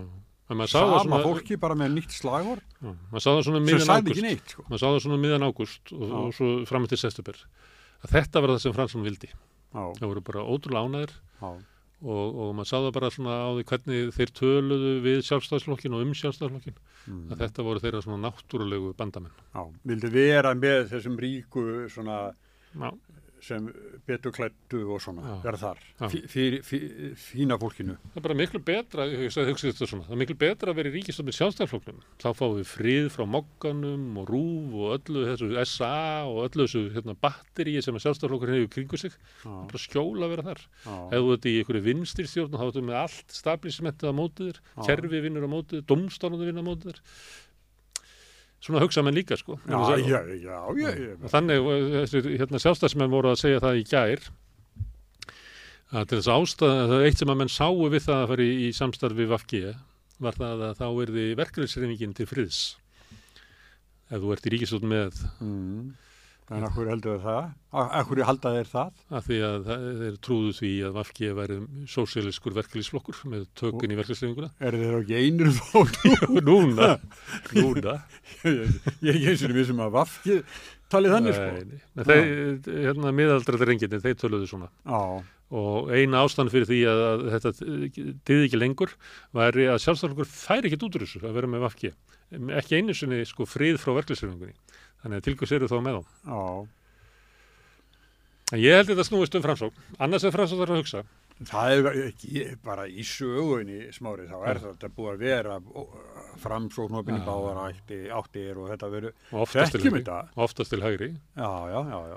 En þeir geta bara ólíkið á tóli, fara bara til hægilega vinstri bara til að Já. henda hverju sinni. þeir hafi ekki verið í vinstirstjórn síðan 1988 Já, til 91 það stengur með Hermansson með allþjóðu bandalaginu og flokknum og síðan voru Þar áður er það hérna ríkistóni sem að sprakk nema, já það er ríkistóni sem sprakk 78 Já, og þar áður er það ríkistóni Já, 71 já, sem að sprakk eftir þrjú já. þannig að það er ekkit það er ekki mörg dæmi um að framsvon vinindi vinstri sko. Nei, sko, þar fyrir þann hafa þær engan Stengrim Hermansson, sko. Nei. Hann var snillingur. Og var meiri vinst uh, hann, Jó, hann, hann brosti frekar til vinstri heldur en Haldur Áskilsson eða Sigurður Ingi ég, meina, þeir, Já. ég upplifa bara sem stæka hægri menn báða tó sko. Já, já, já, já. hmm. já. Ég hérna, ég hitti Haldur ekkert löngu á hann hann dó já, og þá fjælst hann á það, ég mætti taka við sig viðtal Mm. og okkur fannst ekki líka neitt á, sko. Og svo bara dó hann bara skömmu síðar. En, en hann alltaf, hann saði mér reyndar ímislegt, en ég veit ekki hvað við gera með það, sko. Hann sagði, já, mikið um flokki sinn, sko, en nei, þetta er, þetta er alveg rétt, sko. Hann var náttúrulega, sko, við tölum um að hérna síðast líka held ég, það er 2009 þegar Sigmundur Daði og sem formaður Mm. og þeir kom inn hérna Sigur Ingi og fleiri, sko. Þá er þessi flokkur að sækjum, bara sækjum aðild Európa-sambandinu. Mm. Svo bara, þetta var ha- ha- arfleið haldur, sko. En Sigmundur náttúrulega farið uh, með flokkin og svo náttúrulega með miðflokkin núna miklu lengra til hægri heldur en þú veist, Stengurif Hermansson hefði getað ímynda sér að eitthvað framsónum að gerði sko. Já, já. Já, já. Þetta er náttúrulega komið eitthvað út í móa myndi sko Stengurif Já. Hermansson upplöða. Já, já. Móa með kjötakið. Herðu, en eitt. Já. Þegar framsónar hugsa, að því að ég held þetta sé, þetta er svona hagsmunamat hvers flokks fyrir sig. Þú veist, það er, það er orðið erfitt að færa rauk fyrir því að það sé gott að vera í þessu ríkistjórn. Það er bara, þú veist, það til þess að hætta, til þess að hætta, þá þurfum við að fá okkar betri í staðinn. Eh, Kostningar, við, okkur verður ströyjað yfir okkur, hugsaður flestir, sko. Og hérna, en þá er það ef við getum farið inn í svona annars konar ríkistjórn. Og það held ég sé fyrst og næst sjálfstæðarflokkurinn sem hugsa það og framsókn. Já, Þess að framsókn þarf að uh, velta fyrir sér. Kanski getum við grætt meira á því að fara í kostningar og reyna að ná ykkur að þessu er ekki bara best að kjósa Kristrúnu tilbaka. Um, ólíklegt. En þá kemur einn spurning. Ef við förum með sjálfstæðarflokknum í þennan leiðangur og tökum inn kannski miðflokkin eða flokkfólksins, þá sittum við uppi með að vera áfram í ríkistóð með sjálfstæðarflokknum og við erum búin að taka allt þetta högg á okkur, allt sem við unnum fyrir okkur og það eiðilegðist í þessu anskotas Íslandsbankamáli Bjarnar Benediktssonar. Og núna í dag er Lindarkólsmálið að springa í andlitið á ríkistjórninu og Bjarnar. Hver vill vera í ríkistjórn með Bjarnar Benediktsinni með alla þessa skandala sem að ganga í bóða fullum yfir ríkistjórnina? Sko, smári, Já. í mörg ár hefur Bjarni þurft að vera með ótal marga bolt á lofti, einmitt. Ha, En nú eru svolítið ekki að detta nú, nú, svona, nú kom eitt, tveir boltar í viðbót, þá bara, hvað er hann góður í þessu? Hvað getur hann haldið mörgum boltum á lofti? hvað er Bjarni? Hann er allir ekki á vinsangin í maður. Ég, ha, solglir og, og kókusnett. Ég, nei, ég veit það, ég hann hef ekki sérst lengi. Hann nýsti þessu eins og sem svona eh, góða líf verið að liggja á vindsang í sundlög í Flórida. Já, hann var að saka ykkur aðra um þetta, Já, sko. En svo, það. er hann bara sjálfur í einhverjum, eða ég, hann er ekki sérst eitthvað eða heist í honum í langa tíma. Heldur þessi ekki á landinu? Nei, ég veit ekki, við veitum báðir að ef við varum að stýra einhverju ríkstjórn, þá værum við bara eldan uppi, sko. Já, Reyna að fá komment frá honum um ástandið. og værum að segja reglulega frá því ekki náðu því Bjarnar. Já, Talið er að já, sé í já, Flórida.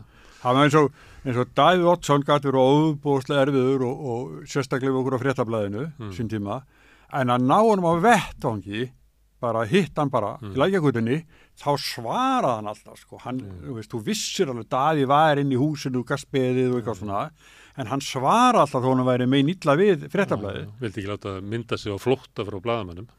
Nei, nei, ég, ég, held að hann, sko, gekk þó ekki lengra en það, sko.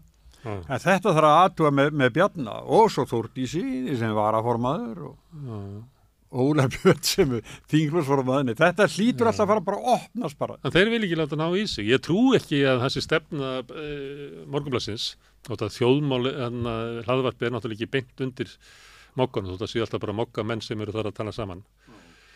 Það getur ekki verið stefna blaðsins eða blaðamennin til að tala hvort við annan um pólitík, sko. Þeir ljótur að vera að reyna að ná í þingflóksformannin og formannin og varaformannin. Nei, ég var að segja ráðan. Einn ráður hann spurði mig, sko, Uh, hvenær var það? 1992, 93? Hvar er morgin? Mm. Það er bara morgin hverfur þegar sjálfstæðisflokkun á bátt. Ég held að það er ekki breyst. já. Það var hérna, þegar Þórdís Sunna byrti skýsluna, þá voru allir fjölmiðlar með hana. Uh, sumir vísuðu bara inn á hérna, pirata.is aðri voru búin að sækja hana Moggi var bara með tvær örstuta málskreinar að hún hefði byrt þetta hver voru rökin hennar, vísuðu ekki svona á skýsluna nei, svo kemur þetta núna, svona allir þessir brinjarar og þessi gæjar, sko. Já. að hvað hún sé ömullegur þingmaður og, og hefur, var ekki síðanendin, eini dómur síðanendur alþingis var á hana Já, Já, og það, það ekki, nú blæs þetta allt upp eins og eins og er búin að láta sko í, Kristrúnu Frostadóttur undanförðinu sko. Já, Veist, það taka eitthvað fyrir skrimsladeildinni bara, veist. finnur eitthvað svona að það Já, hefði ekki verið rétt já. að byrta væri að rétt að byrta skýsluna, það verður aðalspurningin sko. Já, já, ekki hvað er í. En þetta er náttúrulega út um allan heim, ég mannst þetta er hérna þegar þeir sóttu skjölin til Trump, þá voru meðal annars skjöl sem voru sóttar sem að voru um undibúning eh, bandaríkja hers á stríð við Íran Já, já. Og svo var maður að fylgjast með þessu í fréttunum. þá var allt fréttin um það að, að, að kallinn hafi haft þetta heima þessur, ekki um hvað stóð Nei, sem nei, nei, myndi nei. halda, byttu, var bara, var, voru þeir bara konið svona nátt í að bara fara í stríð við Íran. Það myndi hætla að það væri aðal fréttin. og því eru ekkert reyfilt Nei. eftir, ekki eins og einspressunni. Og Moggi mun fjalla um þetta fyrst og fremst sem að, að, sunna, Já. Sunna sé að bregðast trúnaði. já. Færi aftur fyrir síðan hún er farið þar áður. já, þekkir það. Já, og við síðan nefnd blaðamannafélagsins. já, Nei, ég, þetta er hérna, þetta er mjög skrítið ástand, þetta er eldvitt. Ég, Eiríkur Bergman var eir í hátinu og hann vildi meina, ef ég maður þetta rétt, að, að þetta væri bara sko 12 ríkistjórnir sko nánast að hver bara- ráð þeirra væri bara, Já. væri ekkert að byrja sig upp við aðra, ekki eins og niður vopnakaupin, held í þessu sko. ekki kvalurinn það var Nei, kynnt, hvalurinn. kynnt, hérna, það var kynnt undir liðnum önnur mál þegar að margir ráður voru farnir meðal annars Bjarni Bindarsson Já, þannig að það er náttúrulega þegar þú ert með 12 uh, og þetta er náttúrulega kerfið þannig þetta er ekki Jú. fjölskipað stjórnvald eins og sagt er þannig að, að ríkistjórnar samþyktir að bara byrja að kynna þetta og hver ráð þeirra fyrir með sitt mál en þegar að límið á milli er farið að þá náttúrulega verður svo augljóst að þetta eru bara 12 já. hver bara á sínu, sinni siglingu Sko, þetta er nú samt þannig að Sigur Ingi Jónsson, hann lindi því aldrei þegar hann var sjáurðesraðara og kom með frumvarp til, til breytinga á, á hérna, kvotagerfinu eða fiskviðstjórninni að þá beitti sjálfstæðarflokkurinn neytunavaldi Mm. og hann sagði þetta bara við mig í viðtali að bara þeir beittu neytunavaldi, þeir bönnu honum að leggja frumvarpið fram þeir myndi aldrei samþykja þetta Mm. og svo verður hann fórsætisráður þessari sömu ríkistjórn eftir, að sömu vindrismálið Mm. og þá er ég líka með henni viðtala að segja nú er tórum fórsætisráður að þú ræður öllu það er ekki að leggja frumvarpið fram nei, ný, ég ætla ekki að gera það en það er bara, þá var sjálfstæðarflokkurinn bara búin að banna það með öllu sko. Mm. þannig að ég held að sko eh, ef að eh, hérna eins og Svandís, ef hún hefði sagt þetta, eða ef við fyrsta mál á dagskrá er ekki stjórnafundarins, Mm. þá er þetta mál kannski farið öðru mjög líka. Nei, ég veit ekki. Ég, Jú, hæja, þá er svo... Ég held hún hafi komið með þetta í lokin vegna þess að hún ætlaði að ná þessi gegn. Já, ég veit það, ef hún er komin það fyrst. Já, hún ætlaði bara að hafa þessi minstar hindranir, ég ætla Já. bara að ná þessi gegn Já. og þess vegna sitt í þetta rannum mál. Já. Þegar Bjarni þörskuldin allir, snúðandi búnir og allir svona farnir. Þá ætlaði að koma með þetta. Já, Ég held það. En það var þetta, og ég, mér fannst það strax þetta kom fram, að, að auðvitað er þetta byggt á hérna, niðurstöðu fagrás, Mm. en að því að það kemur svo fljótt, hún fær, þetta, fær það á niðurstöðu einn daginn og, og þetta er búin að ákvæða sér daginn eftir. Já. Mér, ég tengdi þetta bara strax við hérna, þennan bakslagang Bjarna á tröppunum á bestastu. Að hann já. Var raunverulega að, að svona, því að þegar að þessi ríkistöld myndu fyrst 2017 og þá hérna, var maður að tala við fólk í Vafki sem var að reyna að réttlæta þetta. Já, og einn réttlæti var svo að við verðum að vera þarna inni því að, að annars verða hér bara svona fasísk ríkistjótt sem mun sko brjóta á réttindum hælislendinda þannig að við verðum að vera þarna inni. Þannig að ég er að nefna þetta vegna þess að það er svolítið mikið atriði fyrir hérna Vafki að, að ríkistjótt sem að þeir eru í fari ekki sko nógu slæmt sko þegar það eru myndir af löggunni að taka uh, flotta fólk upp úr hjólastólum og, og hérna barni við bánsan og allt þetta. En að, að ríkistöðu sé að bóða það að einhverja stórkostlega stefnubreitingu þessu máli frá Bjarnar Benediksinni má þóla það ef að, að dómsmálráðan er að peksa þetta einn. Ég held þetta hafi sko verið miklu alvarlegra fyrir Vafki að hlusta á þetta. Og þeir hafa hugsað býttu er þessi ríkistöðun ekki bara að springa? já, já. Ha, þá er best að bara gera eitthvað sko, veist að við getum ekki bara play dead. Já, já, Já. Svandís leik þannig, svona va- varna sóknarleik, sko, og, og s- tó- kom svona við hjarta á þeim að, að, að hérna, Skuttlaði í- stórríkur útgjöramaður, skuttlaði í Moby Dick. Já, já, það, er, það var þannig, það er, já, sem að þeir eiga rosalega erfitt með að þóla já.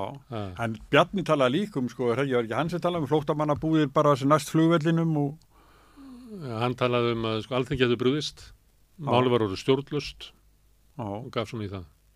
Jú, Jó, hvað það var að tala um hérna, jú, hann talaði um flóttamannabúðir. sem er reyndar, það en- sagði mér eitthvað sko að Jón Gunnarsson talar um flottamannabúðir, ég man ekki hvað orða. En núna er þetta eitthvað litið inn á sko borðinu hjá á, hérna, Guðmundinga, Guðbrænsinni í Vafki og þá er þetta að tala um þetta sem eh, eitthvað svona uh, þjóðarbúðir eða eitthvað. Ha, það er búið að finna eitthvað svona fallet nafn á þetta. Já, eitthvað annað. já, þetta er ekki flottamannabúðir Já, en já, það lítur alveg eins út sko. Já, þetta er sömu, uh, sama hugsun. sama hugsun og sömu Já, tæki eða sömu, já, sömu já. græjur og Já, já. en að heita eitthvað annað. Og, ég hugsa að, að hvort allir springi, hvort allir ríkistjórnin springi fyrir að fara að gjósa þarna eh, réttu keili. Þá getur við, hérna, eh, þá getur þú svarað sem hérna, pólitískur áliðskefi, svipa á jarðfræðingarnir gera. Það eru augljóslega hræringar og það er ekki, en það er ekki vist að það verði gós. Þetta geta verið hræringar, það getur verið gangur sem er bara að ganga upp og hætti áður en það er yfirborði. Já. Og miða við síðustu skipti, að þá hefur verið svona hræringar í þrjú skipti, þá gauðs í tvö. Og þú getur sett það sama. Já. Að meða við þessi djöfurgangu sem að gengur á þessu eru við höfum séð annað eins, stundu springur þetta, en stundum ekki. En það er ekki til neins eh, smári, þetta er við, sko, við erum í mjög erfiðri stöðu. Við? Nei, þjóðin. Já, þjóðin, já. Já, þessi óða verðbólga, maður ég var að sjá bara, sko, afborgan er eitthvað svona, sko, uh, hérna, óvertriði vexti, sko, að eitthvað íbúi, eitthvað 500.000, eða þrjú, nei maður, ég veit það bara óheirilegt, sko, sem fólk er að glíma við út um all land, maður. Eitthvað svona tómt bull, sko, að þið verðum búin að missa tökin á, á efnarsmálunum. Við verðum með mikið meiri verðbólgu, mikið herri vexti held, heldur en löndir allt í kringum okkur. Við sláum öll með. Húsnæðiskerfið er í rúst. Algjörlega. Og bara virkar ekki. Nei. Akkur þegar þarf að byggja þá er ekkert byggt. Já. Það er vandi í helbriðskerfinu, það vandi í mentakerfinu, það bara skröldir. Já. Sveitafélögin eru að fara á hausinn. Mörgur, já. Ráð ekki, þú veist, það er annarkot fara á hausinn eða þau bara sinni ekki verkefnum sínum. Þú veist. sem eru lögbundi verkefni eins og Já. þjónust að falla Já. það er, Já. það eitthvað ósmekklegt að draga það alltaf út úr Já. sko Já, Þú það- Eins og þessi föllum ekki hana. Já, einmitt sko, Já, það, það það, er það, það er, það er er margir aðri liðir í, í, í Já. þeirra starfsemi sko. Þetta er næstu því sama tala og að kenna flottamannum um það. Það er sífælt að tala um að þetta sé allt föllum ekki. það bara svo ósmekklegt sko að því að hérna, málefni fallara hættu sem að tala bara um eitthvað tala um eitthvað annað, það er bara þetta er heild það er ekki að taka eitt út úr en þetta er, það er ekki svo mörg á síðan að, að það var góðsinn tíð hjá, hjá sveitafélagunum en, en þau verðast bara ekki öll að hafa nýtta sem svo vel því að þau koma mörg hver alveg stór skuldu inn í þetta ástand sem er núna Ég held að standi sér öll bara illa og sérstaklega náttúrulega þeir sem skulda mikið það er fljótt að tikka inn vaksta ekkunum. Já, þetta er Eh, alveg hrikalega ástand En sjálfstæðarflokkurinn, hann, eh, honum leiðist í ríkisöndinni. Já. En það er ekki, við, áttum okkur ekki alveg á því, hérna, möndum, möndum svona halda að ef Bjarni fengið ráða, að það myndi bara settlast einhvern veginn, það myndi bara halda áfram með ríkisöndinni, ég held að nenni ekki vesininu sem fylgir því að sko sprengja ríkisöndinu að mynda nýja eða fara í kostingar. Ég held að ráðus ekki. Ég, ég held að hérna Lindakóls skýslan eh, verði hans endalegi banabiti. Já, að Hans flokksmenn, sko. að hans flokksmenn nenni ekki að, verja hann. Nei. Veist. Egið öllum kröftum í það alltaf. Já. Og hann er svo önur og leiðilegur í þinginu og lætur þingmenn bara í taugatar hvernig er þið klættir eða hvernig er þið ganga eða hvað eina sko. Ah, þín í garbaðingurinn, þetta er ekki alveg lengur vinnustaf fyrir hann. Þannig að það er vilji inn í flokknum að sprengja ríkistofna þó að það sé ekki sterkur vilji hjá Bjarnar sjálfum. Já, ég held að. En það er enga líkur til þess að ríkistofna verið sprengt og skiptu fórust í leiðinni. Það er ólíklegt. Ok. Framsson er í vanda. Þau eru náttúrulega... Já, hvaða vanda? Bara, við erum búin að missa helmingin af fylginu sínu. Jó, Svo, jó, Þegar þú ert í bara uh, hérna, hlaup, þú ert að hrinja niður fjallið, þá er erfitt að vera með eitthvað svona hugarfærið um hvernig það þarf að komast upp aftur. Það er bara, þetta er flókið. Já. Þetta er flókið staða fyrir framsókn. Já, við munum það sko síðast þeir stilt upp í Reykjavík, Ásmundur Einar og Lilja Dögg sko, þetta er svona en ég eins og staðin er núna þá er þau bæði úti úr Reykjavík kjörtanum, vilja ég þetta Já, já, það eru kosi núna, Já, þetta þingi. En þau eru bara, þetta eru bara þú fólk, bæði hafa ábila metna til þess að enda sem formenn, en en þetta er svona, það er ekki margir flokkar sem eiga svona tvo auka við hliðin á formanninum, Nei. sem eru eins sterkis og þessi tvö. Nei. Sjálfstæðarflokkur náðu ekki hvað með hvað áslögu örnu og, og Jóni nei, Þórdís Kolbrún, hún er náttúrulega Ég held að Áslögu Arna sé njóti miklu meiri svona persónu fylgist inn í sjálfstæðarflokkunum heldur Þórdís. Það gerir líka. Já. Og mér finnst líka hérna Áslögu Arna eh, sko, hún hefur átt svona fína sirpur á þinginu og svona, hún er sko mælsk Mm. þegar að, mannst ekki, þegar að orkupakkamáli var hjá hérna miðfloknum, Mm. þá var hún stundum að atast í þeim, sko, gerði bara vel, sko. En ég er ekki viss um að sjálfstæðarflokkur myndu treysta henni til þess að fara í gegnum einhver svona ólgusjó, ekki Þórtís Kolbrúnu, ekki neinum öðrum heldur að vera björna benna. Þannig að ég held að Bjarni Ben verið nafna. Já, ég er nú lengur sagt það, sko, Bjarni Ben situr uppi með sjálfstæðisflokkurinn og sjálfstæðisflokkurinn er uppi með Bjarna, því það er engin annar til að Nei. fara í gegnum svona, Sem er ekki staðan í framsókn, að þess að framsókn gæti skiptum Já. og annarkort veðið á Ásmund Einar sem er vinsalastur ráðherrana, barnamálaráðherran, já, já, eða Lilju sem var einu sinni vinsal en er það ekki alveg lengur. já, en er samt alveg eins að þessi hveða núna. Já. Herðu, þá er eftir hinn flokkurinn. Já, það Vafki, já, hvað, eh, nú kemur Lindakól skíslan og Vafki er búin að geta skýt og búin að geta Íslandsbanka skýt og nú er bara, eh, þau heldur kannski þau var í sloppin, þá kemur bara eitt fati viðbót af nýjum skýt. sem allir viss að kæmi, sko, Já. þetta, þetta var bara spurning um tíma hvenar þessi skýsla er, er þið hérna opinberuð, þetta er En bara, ætlar Katrín að koma í kvöldfréttunum í kvöld og segja að ég byrjum fullt tröst í bjarna og þetta sjáum ekki betur en að þarna hafi allt Já. verið staðið vel að öllu sölum ríkisegna undir hans stjórn. já, já. Eh, Gerur hún það? Já, sem mikil trúnaði mill þeirra þryggja þetta bara, ein hild, sko. Já. Ég veit ekki. Ég veit það ekki. Hún verður að fara fylgja Svandís í svona smá fæting við, við sjálfstæðisflokkin. En þá springur ríkistöðum bara. Já, já, þá gerur það. Bara ef hún segir ekki þetta sem ég var að segja það, Já, þá springur ríkistöðum. já. En ef hún gerir það, þá er hún líka leið bara búin að koma sér í burtu, sko. Ef hún segir, miða við þær upplýsingar sem líka fyrir bæði varandi sölun á Íslandsbanka og söluna á, á eignum Lindagóls, að þá er augljóst að við erum að hafa hér hérna, op- hérna alþingi, þar að skipa rannsóknum til þess að fara ofan í þessi mál. Þá er. Já, já, Sem er eiginlega eina setningi sem hún ætti að segja, sko, já, já, sem já. Það er svo alveg merkilegt, sko, að, að hún sé fórsættisraðura í þessum litla flokki. Já. svolítið gott hjá henni en hún verður að, að hérna, eh, svona fara aðeins til fortíða með sjálfa sig Og hvað finnur þú þar?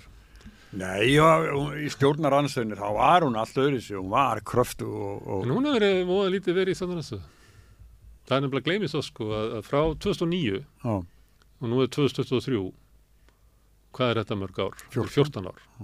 Á þeim tíma hefur Vafki verið ríkistjórn í 10 ár. já, Það er bara, sko, er ekki bara sjálfstæðarflokkur sem hefur verið lengur. já, Hmm. frá 2009 Já, því að það er hérna skiptist á, Já, það ég er held að, svipað. já, ég held að þetta er eitthvað svipað. Því að það fyrir fimm ár frá hérna, það er hérna framsókn hefur verið nýju ár á þessu 14 árum. Jónustjórnin náttúrulega.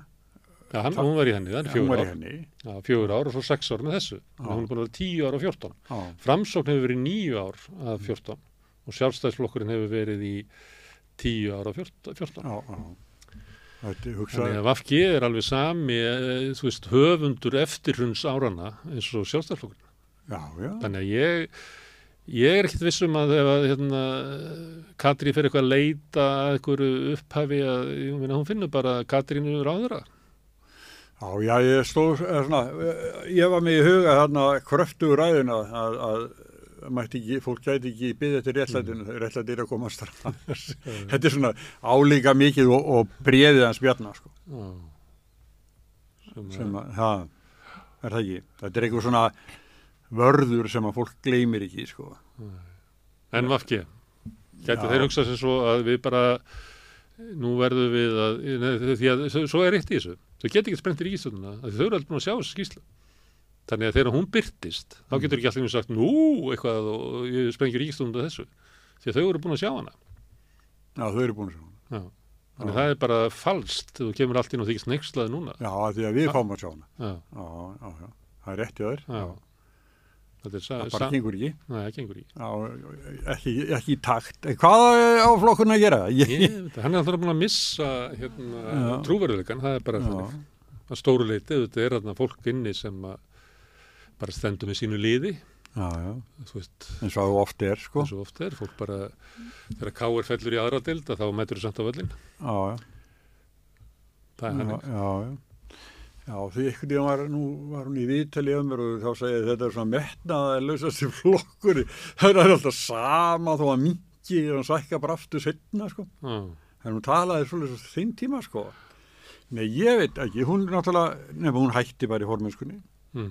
Þú ekki með spá síðast um, um hvaða formenn, já, ég var að spáði ekkert að þau myndu verða leiða eh, sína flokka Nema í næstu Kristrún. kostingum og þá er ég náttúrulega að gera ráð fyrir að vera kosið þannig hvað er það 2025 Já, ég held að Katrín og líka það að er náttúrulega sem að ég held að fólk átti sig á sko góðu fylgi samfélgingana núna að, að því að fólk er með svo mikla aðtigli á personum í pólitík ég var hérna með Ólaf Þórn Harðarsson hérna í vikunni já, og hann er alltaf að tala gegn þessu. Þannig að bara allar rannsóknir sína það að sko persónulega þetta skiptaði máli en ekki þessu máli sem að fólk heldur.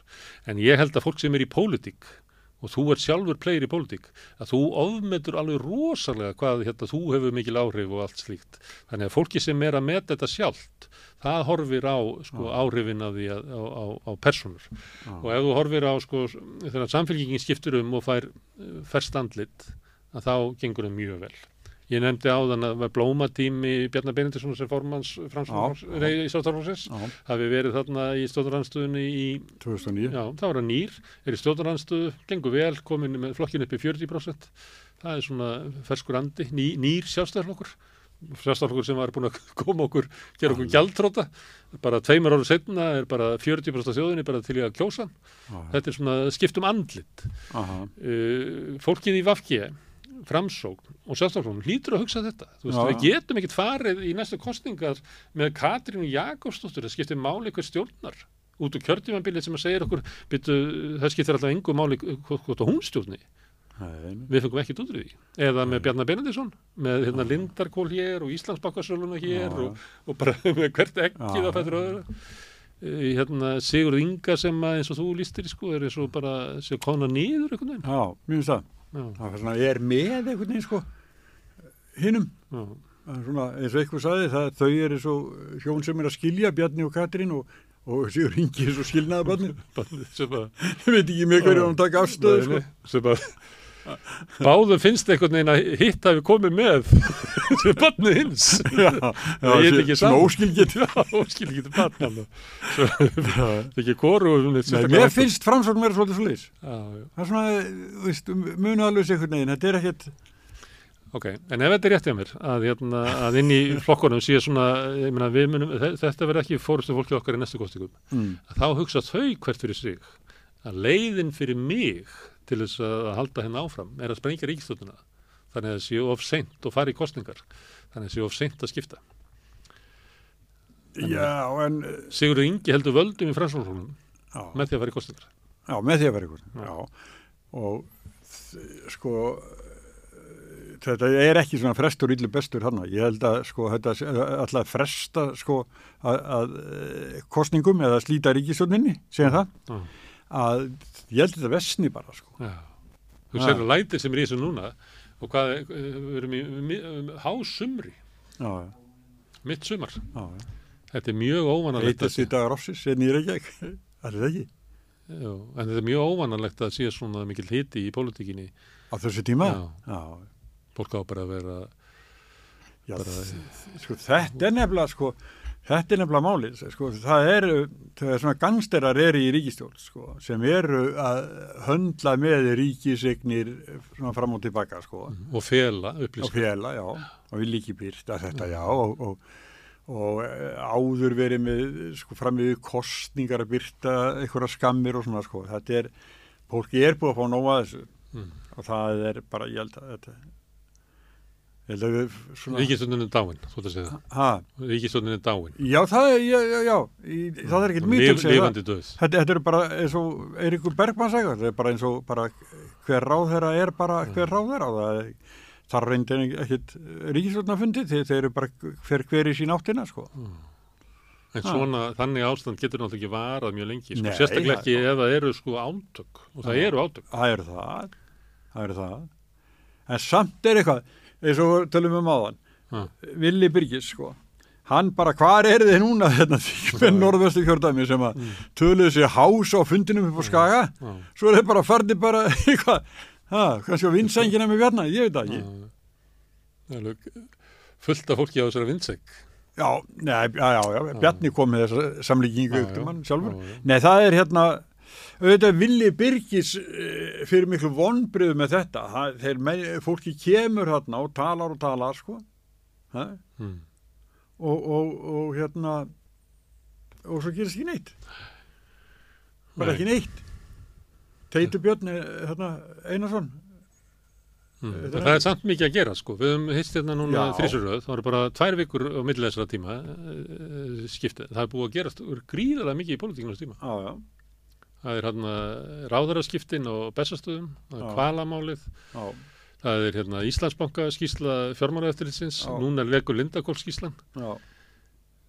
Og svo líka, hérna, eh, mér finnst mjög svona að því að, hérna, núverandi ríkisendurskóðandi, hann leggur svo áherslu á það bara hvers getur svo kemur, kemst nála á þlunum að, að bankasýslumenninir get ekkit uh, haga sér eins og gerðu, sko. Nei, nei. Þeirra er ábyrðin og, og, hérna, og þetta eru strákarnir að spjalla, sko. Algjörlega.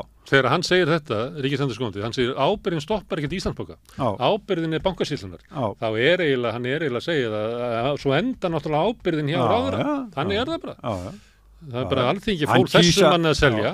Já, alþingi já, fól einmitt. þessum manni að selja og hann seldi þetta með þessum hérna, hörmungar aðferðum. já, Það er hann sem ber ábyrðina. já, já. Og svo gera þeir bara Gimme Five bara be, mes- besta engavæðing í Evrópu. Þetta er skrýpalegur. Þeir, þetta er, er svo glaðir bankasýslunum. Já. en alveg er stundu gaman að hlusta á hérna, hérna ungu miðaldra mennina í mokkanum Já, tala saman að þegar maður fær svona óminnaði hvernig er talað í bakarbyggjunum hvernig sko bankasýslan talar um söluna. Er, þannig er samtali bankasýslana við Bjarna um hvernig það var. Já, já. þú veist, þeir, mér finnst þeir óma það. Þeir myndu ekki tala svona ef þeir upplýðu það að þeir fengju, þú veist, þeir engan stuðning frá ráðherrannum eða einhverju baklandi, þá myndu Mm. Já. þeir ekki vera svona Öruggir. hoppandi Já, gátir. og sjálfum glæðir sem Já, er þeir heyra, stráka, það er engar áhyggjur af þessu sko, við ætlum að stopna þetta nýja nýja hérna já, hvað heitir það, eigna síslan Já, já. þá á að bankasíslan að vera nýtt formað í hvernig er haldið utan um eign e, ríkisins í bönkunum. Og það var bankasíslan áður. Nú á að stofna fyrirtækjasíslan sem að getur líklega verið kannski hendarinn bara brefi hérna, ríkisins í, í landsvirkjunu eða eitthvað og bönkunum. Og þar verður bankasíslan geimt og Og þar verða þeir bara í góða málum. Ég held að. Þess vegna eru svona, nei, alveg, þeir eru ótrúlega kokki eins og þeir séu bara, þeir voru nýbúin að fá sko svarta skýrslu frá ríkisendurskoðun, mm. en ríkisendurskoðun er búin að tilkynna að þeir eru lög niður, en þeir allt í hennu bara, eins og gója kokk, gátir, Já, já. það er bara því þeir vita. þessi leikir grínmynd. Hérna, og, og þeir- ef þetta verið mafíumynd, sem þetta er oft gott að hugsa, Mm. að þá er það það sem að Bjarni segir við þá, ég meina þið seldu bankan til þeirra sem að við vildum og ekki láta það hald, ekki, ekki láta ykkur detta því í hug eitt skipti að eitthvað refsa fyrir það. Mm. Við refsum ekki þeim sem að gera rétt, Nei, við refsum þeim sem að gera ránt. Já, já, já, já. Já, svona veginn er þetta. Þetta er svona. Er það ekki? Jú, Já, það er svona, sko, þessi tengsl bjarna við viðskiptalífið er náttúrulega stórhættilega, sko. já, En við vorum að tala um vinstri græn. já, Við talum um Katrín Jakobsdóttir, ef hún er ekki, þá er, bara, víst, mér finnst varaformaði bara veikur. Það finnst það öllum, ég held að honum finnst það líka sko. á, hann gæti aldrei tekið við þessu. Nei, hann hefur ekki, hann hefur ekki pólitíst, nei, það skiptir náttúrulega máli, það er nú stundur sagt um sjálfstaflokkin, það er alltaf kosið í heimdalli og kosið í sús og allt þetta, að þegar að, sko fólk fer inn á þing eða verður á þeirra, þá er það að gangi gegnum einhver svona já. allavega baráttu og kostningar og elskýrnir eitthvað neilflöðis. Aha, Og það er náttúrulega vantar í Guðmund Inga, mumma, eða eitthvað, já, en, það vantar ekki Svandísi. Nei, Hún náttúrulega, hún, ja, hún er náttúrulega hún hefur dóttir hlust, Svafa Svessonar sem var nú aldrei sparáttum að. Já, hún er ábyggilega hlustað á pólitíska Innrætingu, alveg frá föðusins. já, Mm, allan tíð. Já, og hún er þannig náttúrulega. Já, já, mér finnst hún að því að við erum gamlir bróðir já, að þá finnst mér hún svona, mér finnst hún skemmtilegri stjórnmálamenn að þessari tegund. Mér finnst hún svona, minni Já. mig bara stjórnmálamenn fyrir tíma sko. já, já, og mér finnst hún bara að vera svona pólitískur svona fætir aha, og það er ekkit of mikið af svona einhverju bullshit kjaftaði í henni sko, einhver svona orðasalat skraut sko sem Nei. að stundu gerir mann alveg bara alveg ömulegt. já, En hérna, hún, hérna reymáli, við munum eftir því mm, og hún var að berjast gegn því og hún þá, sko, hún skildi eftir sig, sko, bókanir allstaða, sko, hefði, mm. að hann svo greta, sko, þetta rekja sem hún sagði það, hún er alltaf, sko, vara við þessu. Já, já, einmitt, sko, sem að, á öllum stígum, hann að, sem að Lilja Alfriðsdóttir hefði mótt muna því að hún er að segja alltaf, ég var alltaf á mót þessu og þá segja allir byrju það, ég sé um eitthvað bókanir og það en eitt. Já, já, einmitt, já, já. en Svandís, sko, kunni leikin, sko. Það var búið að kenna hennar, nei, hún kunni leikin ég held eins vegar að sko Vafki er búið að vera svo lengi flokkur Katrín Jakobsdóttur að hann hefur bara snúið sér að henni. Já, þannig að ég er ekkit vissum að, að ef hún færi að það bara, ég held að ég veit ekki hvað, hvort það sé eitthvað annars sko.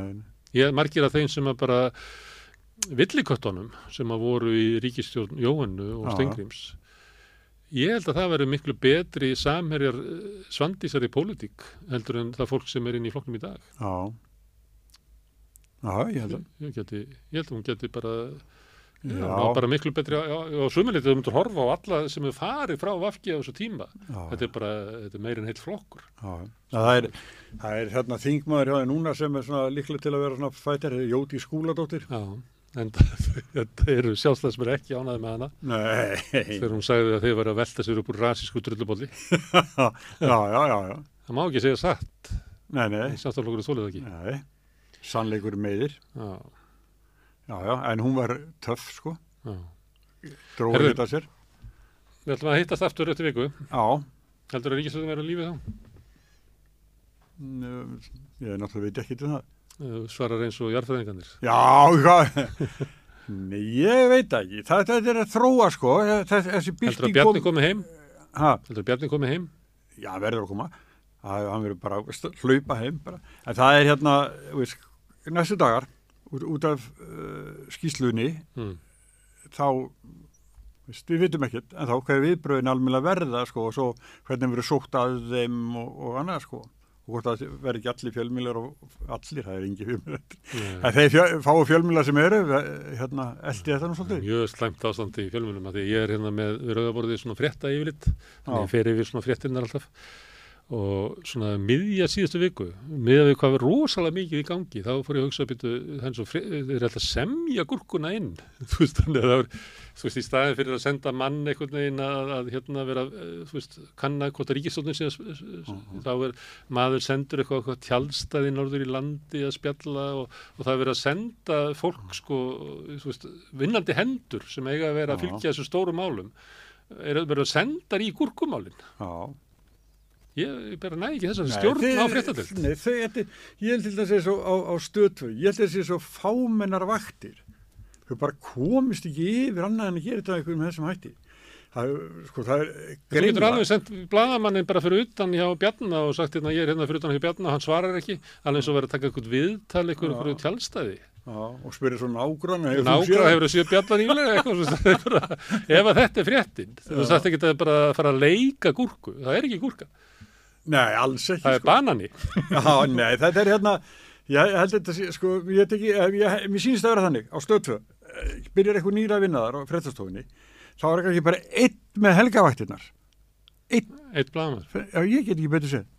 Svo eitthvað sem þú kemur upp úr skuffinni sem búið að geima svona eitthvað svona, Kristján Már sem var eitthvað stað, sko, eitthvað sliðis. Þannig að þetta er svona sama aflið þessu og á miðjunni og þér. Já, þeir hafa náttúrulega sjómastu, ég veit það ekki. En æð, miðjan er bara svona leikvangi mitt bara. Já, já. En þessar sko riðstjórni sem ætti að vera, geta ráði við erfi mál og þau eru að detta niður í að vera svona, þú veist, eins og eins tveggja þryggja manna miðlar sko, já. stundum. Já, þetta er það. Þetta er náttúrulega umrætt sko. Alveg umrætt, já. Og rúf stendur sér ekki betur. Og dæmi Nei. sem ég var að taka núna, voru að rúf sko. Ég skil ekki að það bara eins og rúf, og stundum finnst manni rúf verið svo pólitíst það er ekki gúrka, það er banani sko. Það er bara bananalífið þannig að þeir vilja bara taka bananan og bjóða okkur upp á gúrku. Að við höfum bara verið að velta fyrir okkur eitthvað svona þú veist hvernig sprettan í, í nú fara að koma þær fréttir sko. Já, og kartöflunar og gúrkan þess vegna heitir gúrkan gúrka þegar við varum að tala um hvernig gúrka sprettir Já, já, já, en ég segi svo, nei það eru alltaf fína fréttir maður með kartöflunar Já Herðu. Já, herðu, þetta er bara ágætt. Við vitum ekki meira í ögnumvíkinu. Nei, ekki frekar en eldgósa fræðingarnir. Já. Annarkot gís. eða gís ekki. Hann er Og svo, springur. svo er eitt sem spurði líka þessu. En ef það gís, heldur það verði í dag? Já, gæti verið í dag, eða í næstu viku, eða næsta mánuð, eða næsta árið, eða næsta árþúsund. Já, já. En þessi ríkistótt muni ekki lifa, Ég, þetta er spennandi. þetta er spennandi. Hvort springur Sjáum undan, til. ríkistjónin eða, eða gósið. Já, herru, þetta heitir pólitísk skjáltavakt. Það er mitt. Já, herru, kæra þakkir Það er sömulegst takk fyrir mig. og við snúum okkur að næsta máli.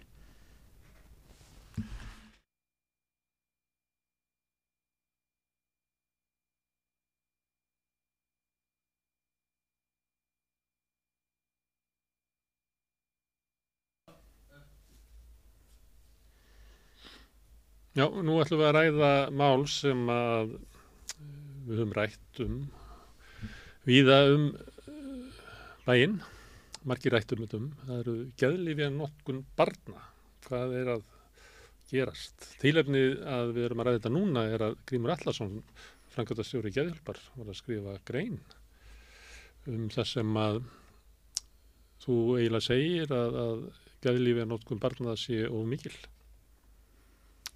Já, ég, ég svona kannski held því fram uh, miða við önnulönd Já. og kannski líka af því að það er í rauninni ekkit upp á annað, það er ekki bóðið upp á neitt annað uh, við bjóðum bara upp á þessa lausn í rauninni sko. En gæðra meðferð. Nei, það, hún er eiginlega hún er eiginlega hvergi sko. Þá spyrir maður, að því að þú kannast við þessu umræðan og búin að vera mjög lengi og eitt sem að menn segja að við séum að, að, að gefa út of mikið að lifjum Mhm. og þá segja sumir, nei, það eru hinlöndur sem er að gefa út lítið. Já, ég svona, þú veist, þegar ég hef, ég hef rætt þetta nú við Ímsa og marga af þeim sem að kannski, veist, það er, er samt ekki þannig, ge, geðlæknar, eru þetta ákveðni fræðimenn og, og ákveðnir sumir vístamenn Mm. að hérna, og eru með mentun og, og, og hafa sérhæft í þessu, þó ég ætla ekki að segja að þeir séu hérna endilega bestu aðræðin til að dæma um allt, en, en ég hitt marga hins vegar geðlækna sem telja þetta e, bæði innlenda og erlenda sem telja við séum að ávísa á mikið Mm. e, og það er kannski þegar maður skoðar sko, hversu mikið, mikið meira Mm. við erum að, að, að hérna, gefa livjum og síðan að skoða hvernig aðri hlutir eru í samfélaginu hvernig gengur okkur með að halda börnum í skólum? Hvernig er brottfall úr framhaldsskólum? Hvernig eru líðan barna í skólum? Þá það sé kannski svona, kannski svolítið svona eh, mat sem er erfitt að segja er þetta, já en allavega það er sama, það er alltaf spur, spurðar sumi spurningarnar Mm. og allar vísbendingar benda til þess að okkur gengur betur, nei ver heldur en, heldur en öðrum löndum Og ver eftir því sem tíminn líður. og þrátt fyrir að vera að gefa svona mikið að lifjum og þrátt fyrir að hafa aukið þessi lif svona mikið í rauninni ef við tökum síðustu tíu ára þá er þá er að í hátíðlifanótkun hún er, hefur aukist um 78% og 130% hjá stúlkum e, róandi og, og, og e, sveflif hef, hafa aukist um 588% á þessum tíu árum og, og þunglindislifin um uh, 132%. Þannig að á þetta eru tíu ár og sama tíma hefur líðan barna, allan að svörun þeirra, til dæmis að 27% stúlkna í, í tíundabekk í grunnskólinu segja að það séu ánað með lífsitt.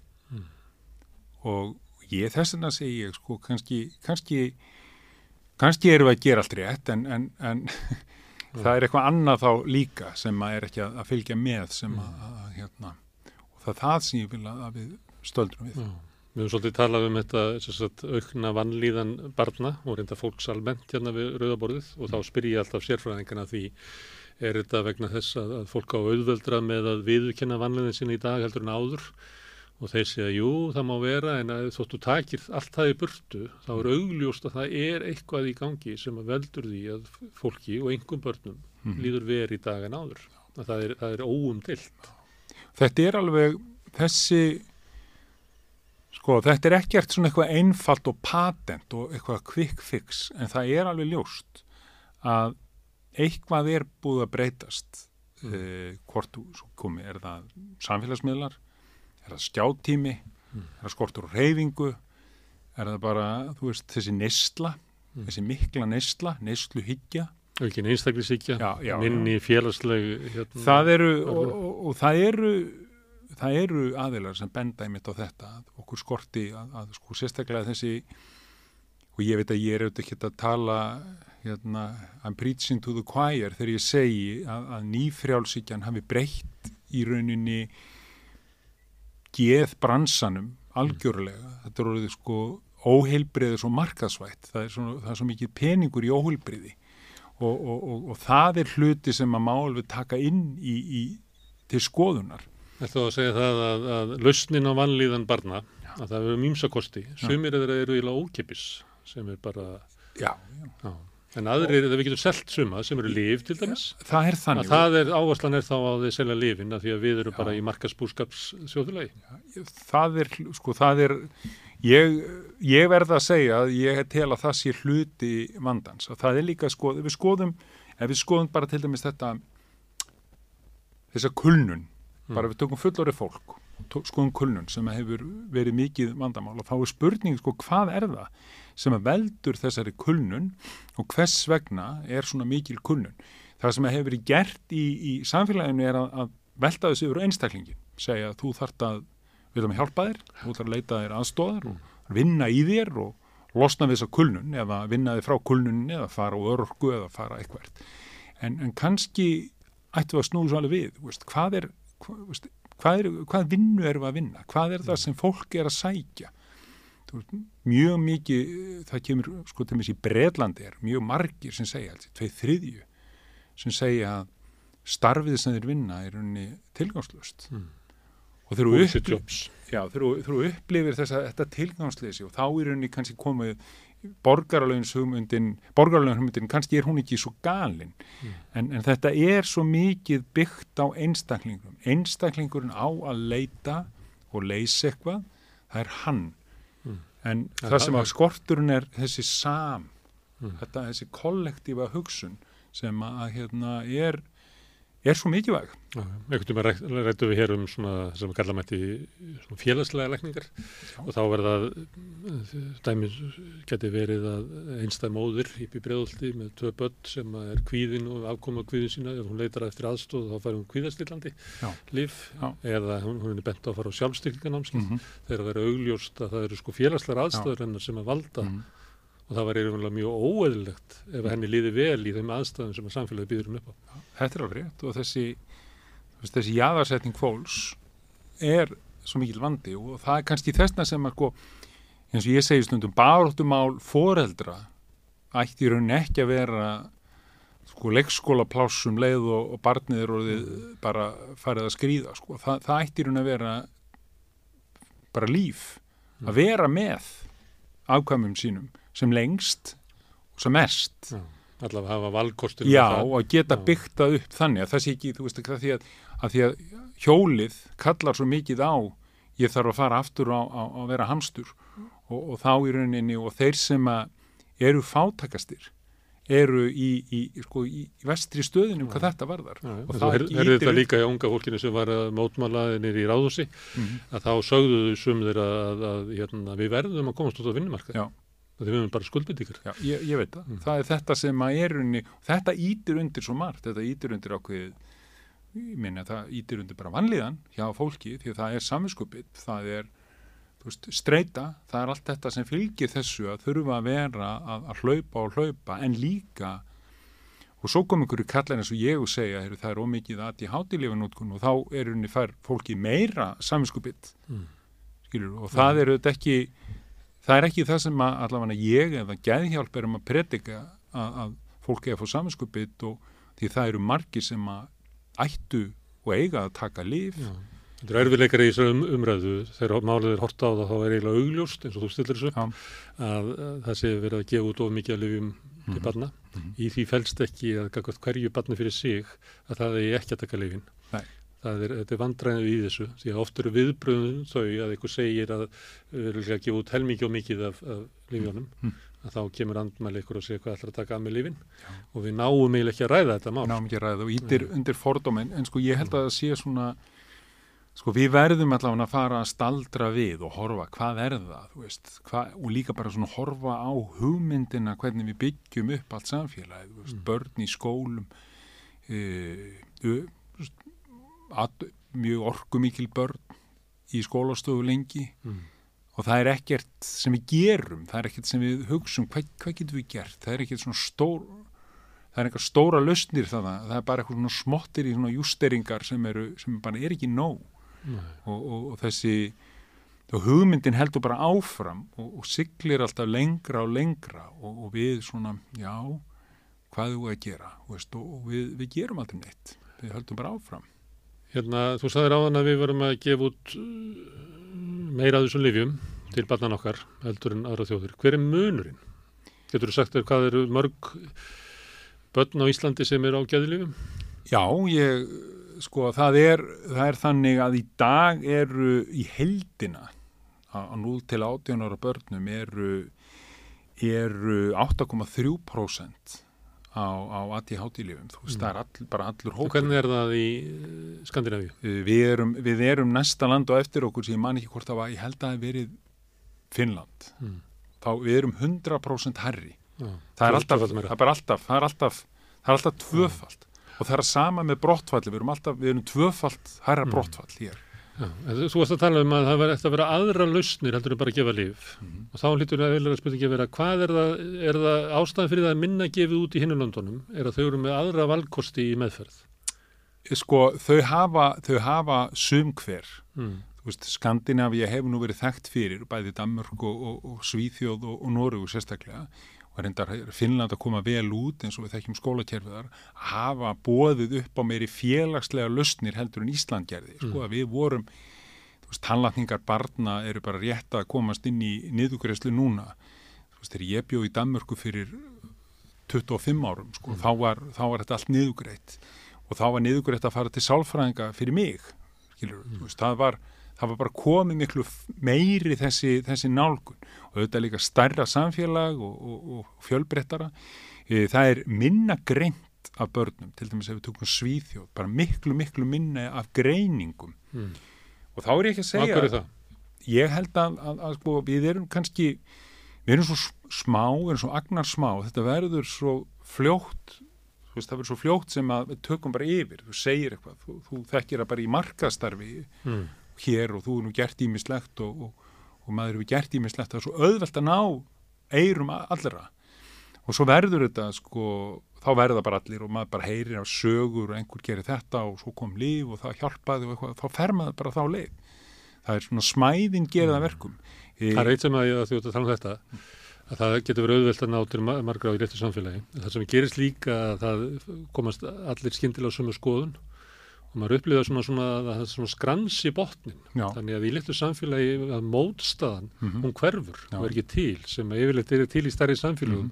Það er alltaf einhverjir sko hópar sem að segja alltaf njá eitthvað við málinu Já, og halda þeirri anstuð áfram. já. Á Íslandi hættir oft til þess að það bara straujast í burtu. er, það er alveg rétt og, og, og, veist, og þá ætlum ég ekki maður getur tekið bólusetningar þetta sem dæmi á þess að ég ég er ekki að mæla neinu, neinu sko að segja að við hefum ekki átt að taka bólusetningar Mm. eða eitthvað, en við fórum bara öll Já. það voru, það voru örfáir það voru miklu, miklu minni sko, Já, við sláum met í öllu. já, Í, í bólusetningum, farsímanótkun, já, já, bara you name it. öllu og þetta er, þetta er kannski hlutaði Mm. en, en, en sko, ég finnst ekki endilega við um að, að, að hugsa þetta þannig, þannig já, ok, þú veist að, að, að hvað er þetta að gera, við erum bara hvað getur við gert Mm. Og, og við, það er búið að benda á svo margt sem að, hægt er að gera þú veist, og auðvitað við að skoða skólakerfið bara gaggert og skoða hér, hvernig ætlum að, og það er nú búið að tala um það mikið alltaf spá í þetta verklega og þetta. En hvað er það sem að gerist þarna inn í skólastofunni og hvaða þekkingu, þú veist, þegar þú ert fann að tala um ef að, eins og er hér að, að, að, að 3,5% barna er á þunglindislifum skilur við er það, er það bara eitthvað sem við ætlum að, að hérna og, og, og 8,3% barna er á, á, á ADHD-lifum þá hlýtur þú að þurfa að vera svolítið sérfræðingur í einhvers konar einhverjum, einhvers konar föllunum og, og hérna sem kennari. Og það er ekki, þú fyrir að skoða það sem er námskra og kennara þá er það ekki. Enda, enda tel ég það eru ómikið af, ég held að sé ómikið að vera að greina og greiningamótilið er byggt á, á hérna DSM kerfinu sem er síðan með tengslinn í í þetta að selja fleiri liv En uh, markasvæðing þjáningarinnar eða mannlíðarinnar, Mhm. það er verið bent á það að, að já, á þessum tímum sem við lifum, í þessum heimsluta sem við lifum, að þá verður til markaður, bæðið að selja Mhm. líf og alls konar lausnir við mannlíðan og uh, fólk sem hefur hagað því að breyða út hugmyndunum mannlíðan sem er Mhm. þá þessi hérna, Mhm. Þessir katalókar hérna bandarísku maður myndi ætla svona fyrirfram að grunnkerfin okkar, heilbriðiskerfið og þú tekur líka dæma mentakerfinu, ætti að vera varin fyrir þessari svona markaslegu eh, þessum, þessari, þessu drifskafti sem að keirir áfram samfélagið. Að, að það ætti að vera vari fyrir því að það ætti ekki að vera markaslögmál eða eh, gróðra sækni fyrirtækja sem ætti að stjórna því hvernig sko heilbriðiskerfið okkar er uppbyggt eða mentakerfið. Nei, maður skildi alltaf það og líka hér, við erum nú, höfum nú verið oft bara svona nokkuð þannig, þetta er, nú ætlum ég ekki að segja Íslands er stjættlaustland, það er nú, það er það ekki en, en það er kannski varðað meira en önnur lönd þannig að þú veist, við vorum í skólum, við kannski svona flest okkar vorum með alls konar fólki í skólum og vorum kannski eitt af þessu Ekki konar- drifið í- ekki eins og þá hefði kannski, en, en varnirnar eru bara ekki meira en þetta. Og við erum bara hluti af þessu kerfi, við drekkum bara kókið sem kom og, og hérna, og við við borðum kjúklingapittana sem koma En þú ætti að segja að læknarnir okkar þjónir umverulega amerískum livjaframlöndum. Ég, ætla nú kannski ekki að, ætla þeim það, en hins vegar er mjög erfitt líka. Þeir eru inn í kerfi Já, sem er kerfinu. byggt í kringum Já. hérna möguleika livjafyrirtækjana á að auka hagnaðsinn. Já, já, og, og við, sko, við erum einhvern veginn öll þarna og það er, það er vandina. Þú veist, þú situr hér, ég er hér læknir og ég kem með minn vanda, segjum Mm. að það sé ekki gæðra hans eljus, hann er kannski bara bólga í nýja og ég veit að ég ætla að fara að fá bólguðandi hjá þessum lækni. Mm. En þessi læknir er svona, svolítið svona, já, þú ætti kannski að byrja að reyfa þig og, Mm. og passa upp á næringu og taka smá kvíld og, og lifta og Mm. allt þetta og bara nei, ég fer þá bara til Gunnarsmára, hann er annar læknir og Gunnarsmári, hann bara skrifur upp á þetta. Það er líka þrýstingurinn, það er óbærilegu þrýstingur líka Mm. frá öðrum, lækna fá þrýsting frá þeim sem leita til þeirra og svo eru þeir líka með þrýsting frá livjafyrirtækjum eins og við, Mm. það er vitað og Mm. það eru þetta bara veist, skrifað upp á en, en Þannig að þrýstingur frá livjafyrirtækjunum hann kemur í gegnum sjúklingin, ekki Og- síður en frá bara allt kerfið, bara er, við erum Ok, Grímur, en hvað gerum við það við því? Ætlar að breyta grunnkerfi samfélagsins? við ræðum um hlutina Það er nú stundur rætt hérna verið að borðið að eina lausn, fyrsta lausnin á öllum vanda er að fella kapitalismin. já, já, já, ég sko ég held að sko kannski stóri stóri vandi okkar er og ég alltaf gangast við því sjálfur ég fer alveg hérna bara mín skoðun og þá Mm. er það ekki einhver skoðun einhverja félagasandaka sem ég stend að, að við bara mistum algjörlega fótana upp úr 1980 þú veist, þegar maður skoða þessa, þú veist ekki það að kapitalistar hafa alltaf verið til Mm. en ef við skoðum þessa, þú veist, þessa onasis kapitalista og þessa gæja svona eitthvað, þú veist, og berum það síðan sama við þetta brjálæði sem við búum við núna, þar sem auðurinn er orðin slíkur að það er ekki einu svona hægt að það getur enginn talið en þetta er bara svona eins og, eins og að telja vastrópa í, í rigningu sko, þetta er algjör vitleisa og þetta, þetta er orðið stjórnlust og hefur gert það að verkum að að við kannski bara öll erum einhvern veginn teljum að þetta sé eðlilegt að einhverju leiti. En það eru þetta ekki eðlilegt þegar þetta er fara að stýra því hvernig við höfum það og hvaða leiðir við leitum og tekum frá okkur ákveðna hluti og, og svona ákveðin markasvæðing þessara, þú veist, já, óheilbriðsins. Og börnunum okkar hefur ferið að líða verð. Já, og, og, og, og, og hérna, og það er ekki gott og hérna, og það er ákveðna skýringar á því líka að þú tala við mennina í Kísildalum akkur að þeir láta ekki börnin sín hafa snjáltækin, sko, Mm. ekki fyrir þeir eru búin að ákveðum aldrei. Við erum bara, þetta er mikið, það er mikið, mikið, mikið ópjum í bóði, sko. Geðhjálp er eh, samtök eh, sjúklinga, fólks með og- eitthvað, vildi kalla það geðrana áskoranir, við sleppum þeim eh, hérna vangaveldum. Er það stefna geðhjálpar að fá fjölbreytilegri meðferðir og lausnir við geðrannu vanda. Já, algjörlega. Það er, það er bara mjög, að því að sko, það hefur líka sínt sig að það hefur, það gengur hægt og, Mm. og, og mannréttindi og fleira sem að fylgir því kerfi sem að, hérna, mannrétta brot sem fylgir því kerfi sem nú er við líði, það hefur sínt sig að það, það, allavega því fylgir þessu kerfi. Þannig að við viljum fjölbreyttari nálgun, við viljum fara meira í, kannski í grunninn, reyna að, svona orsaka meðari nálgun, ekki það að við séum að leita geninu en eitt slíkt, Mm. heldur bara fyrirbyggjandi aðgerðið frekarn að vera í endalegum eltingarleik við þessar afleiðingar og þessi einkenni.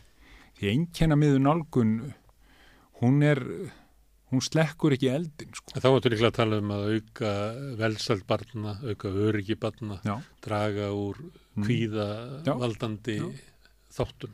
Nákvæmlega, það er unni bara, það þarf að breyta mjög miklu. og það- Skólakerfi getur tikið við fjölbreytilegri fólki.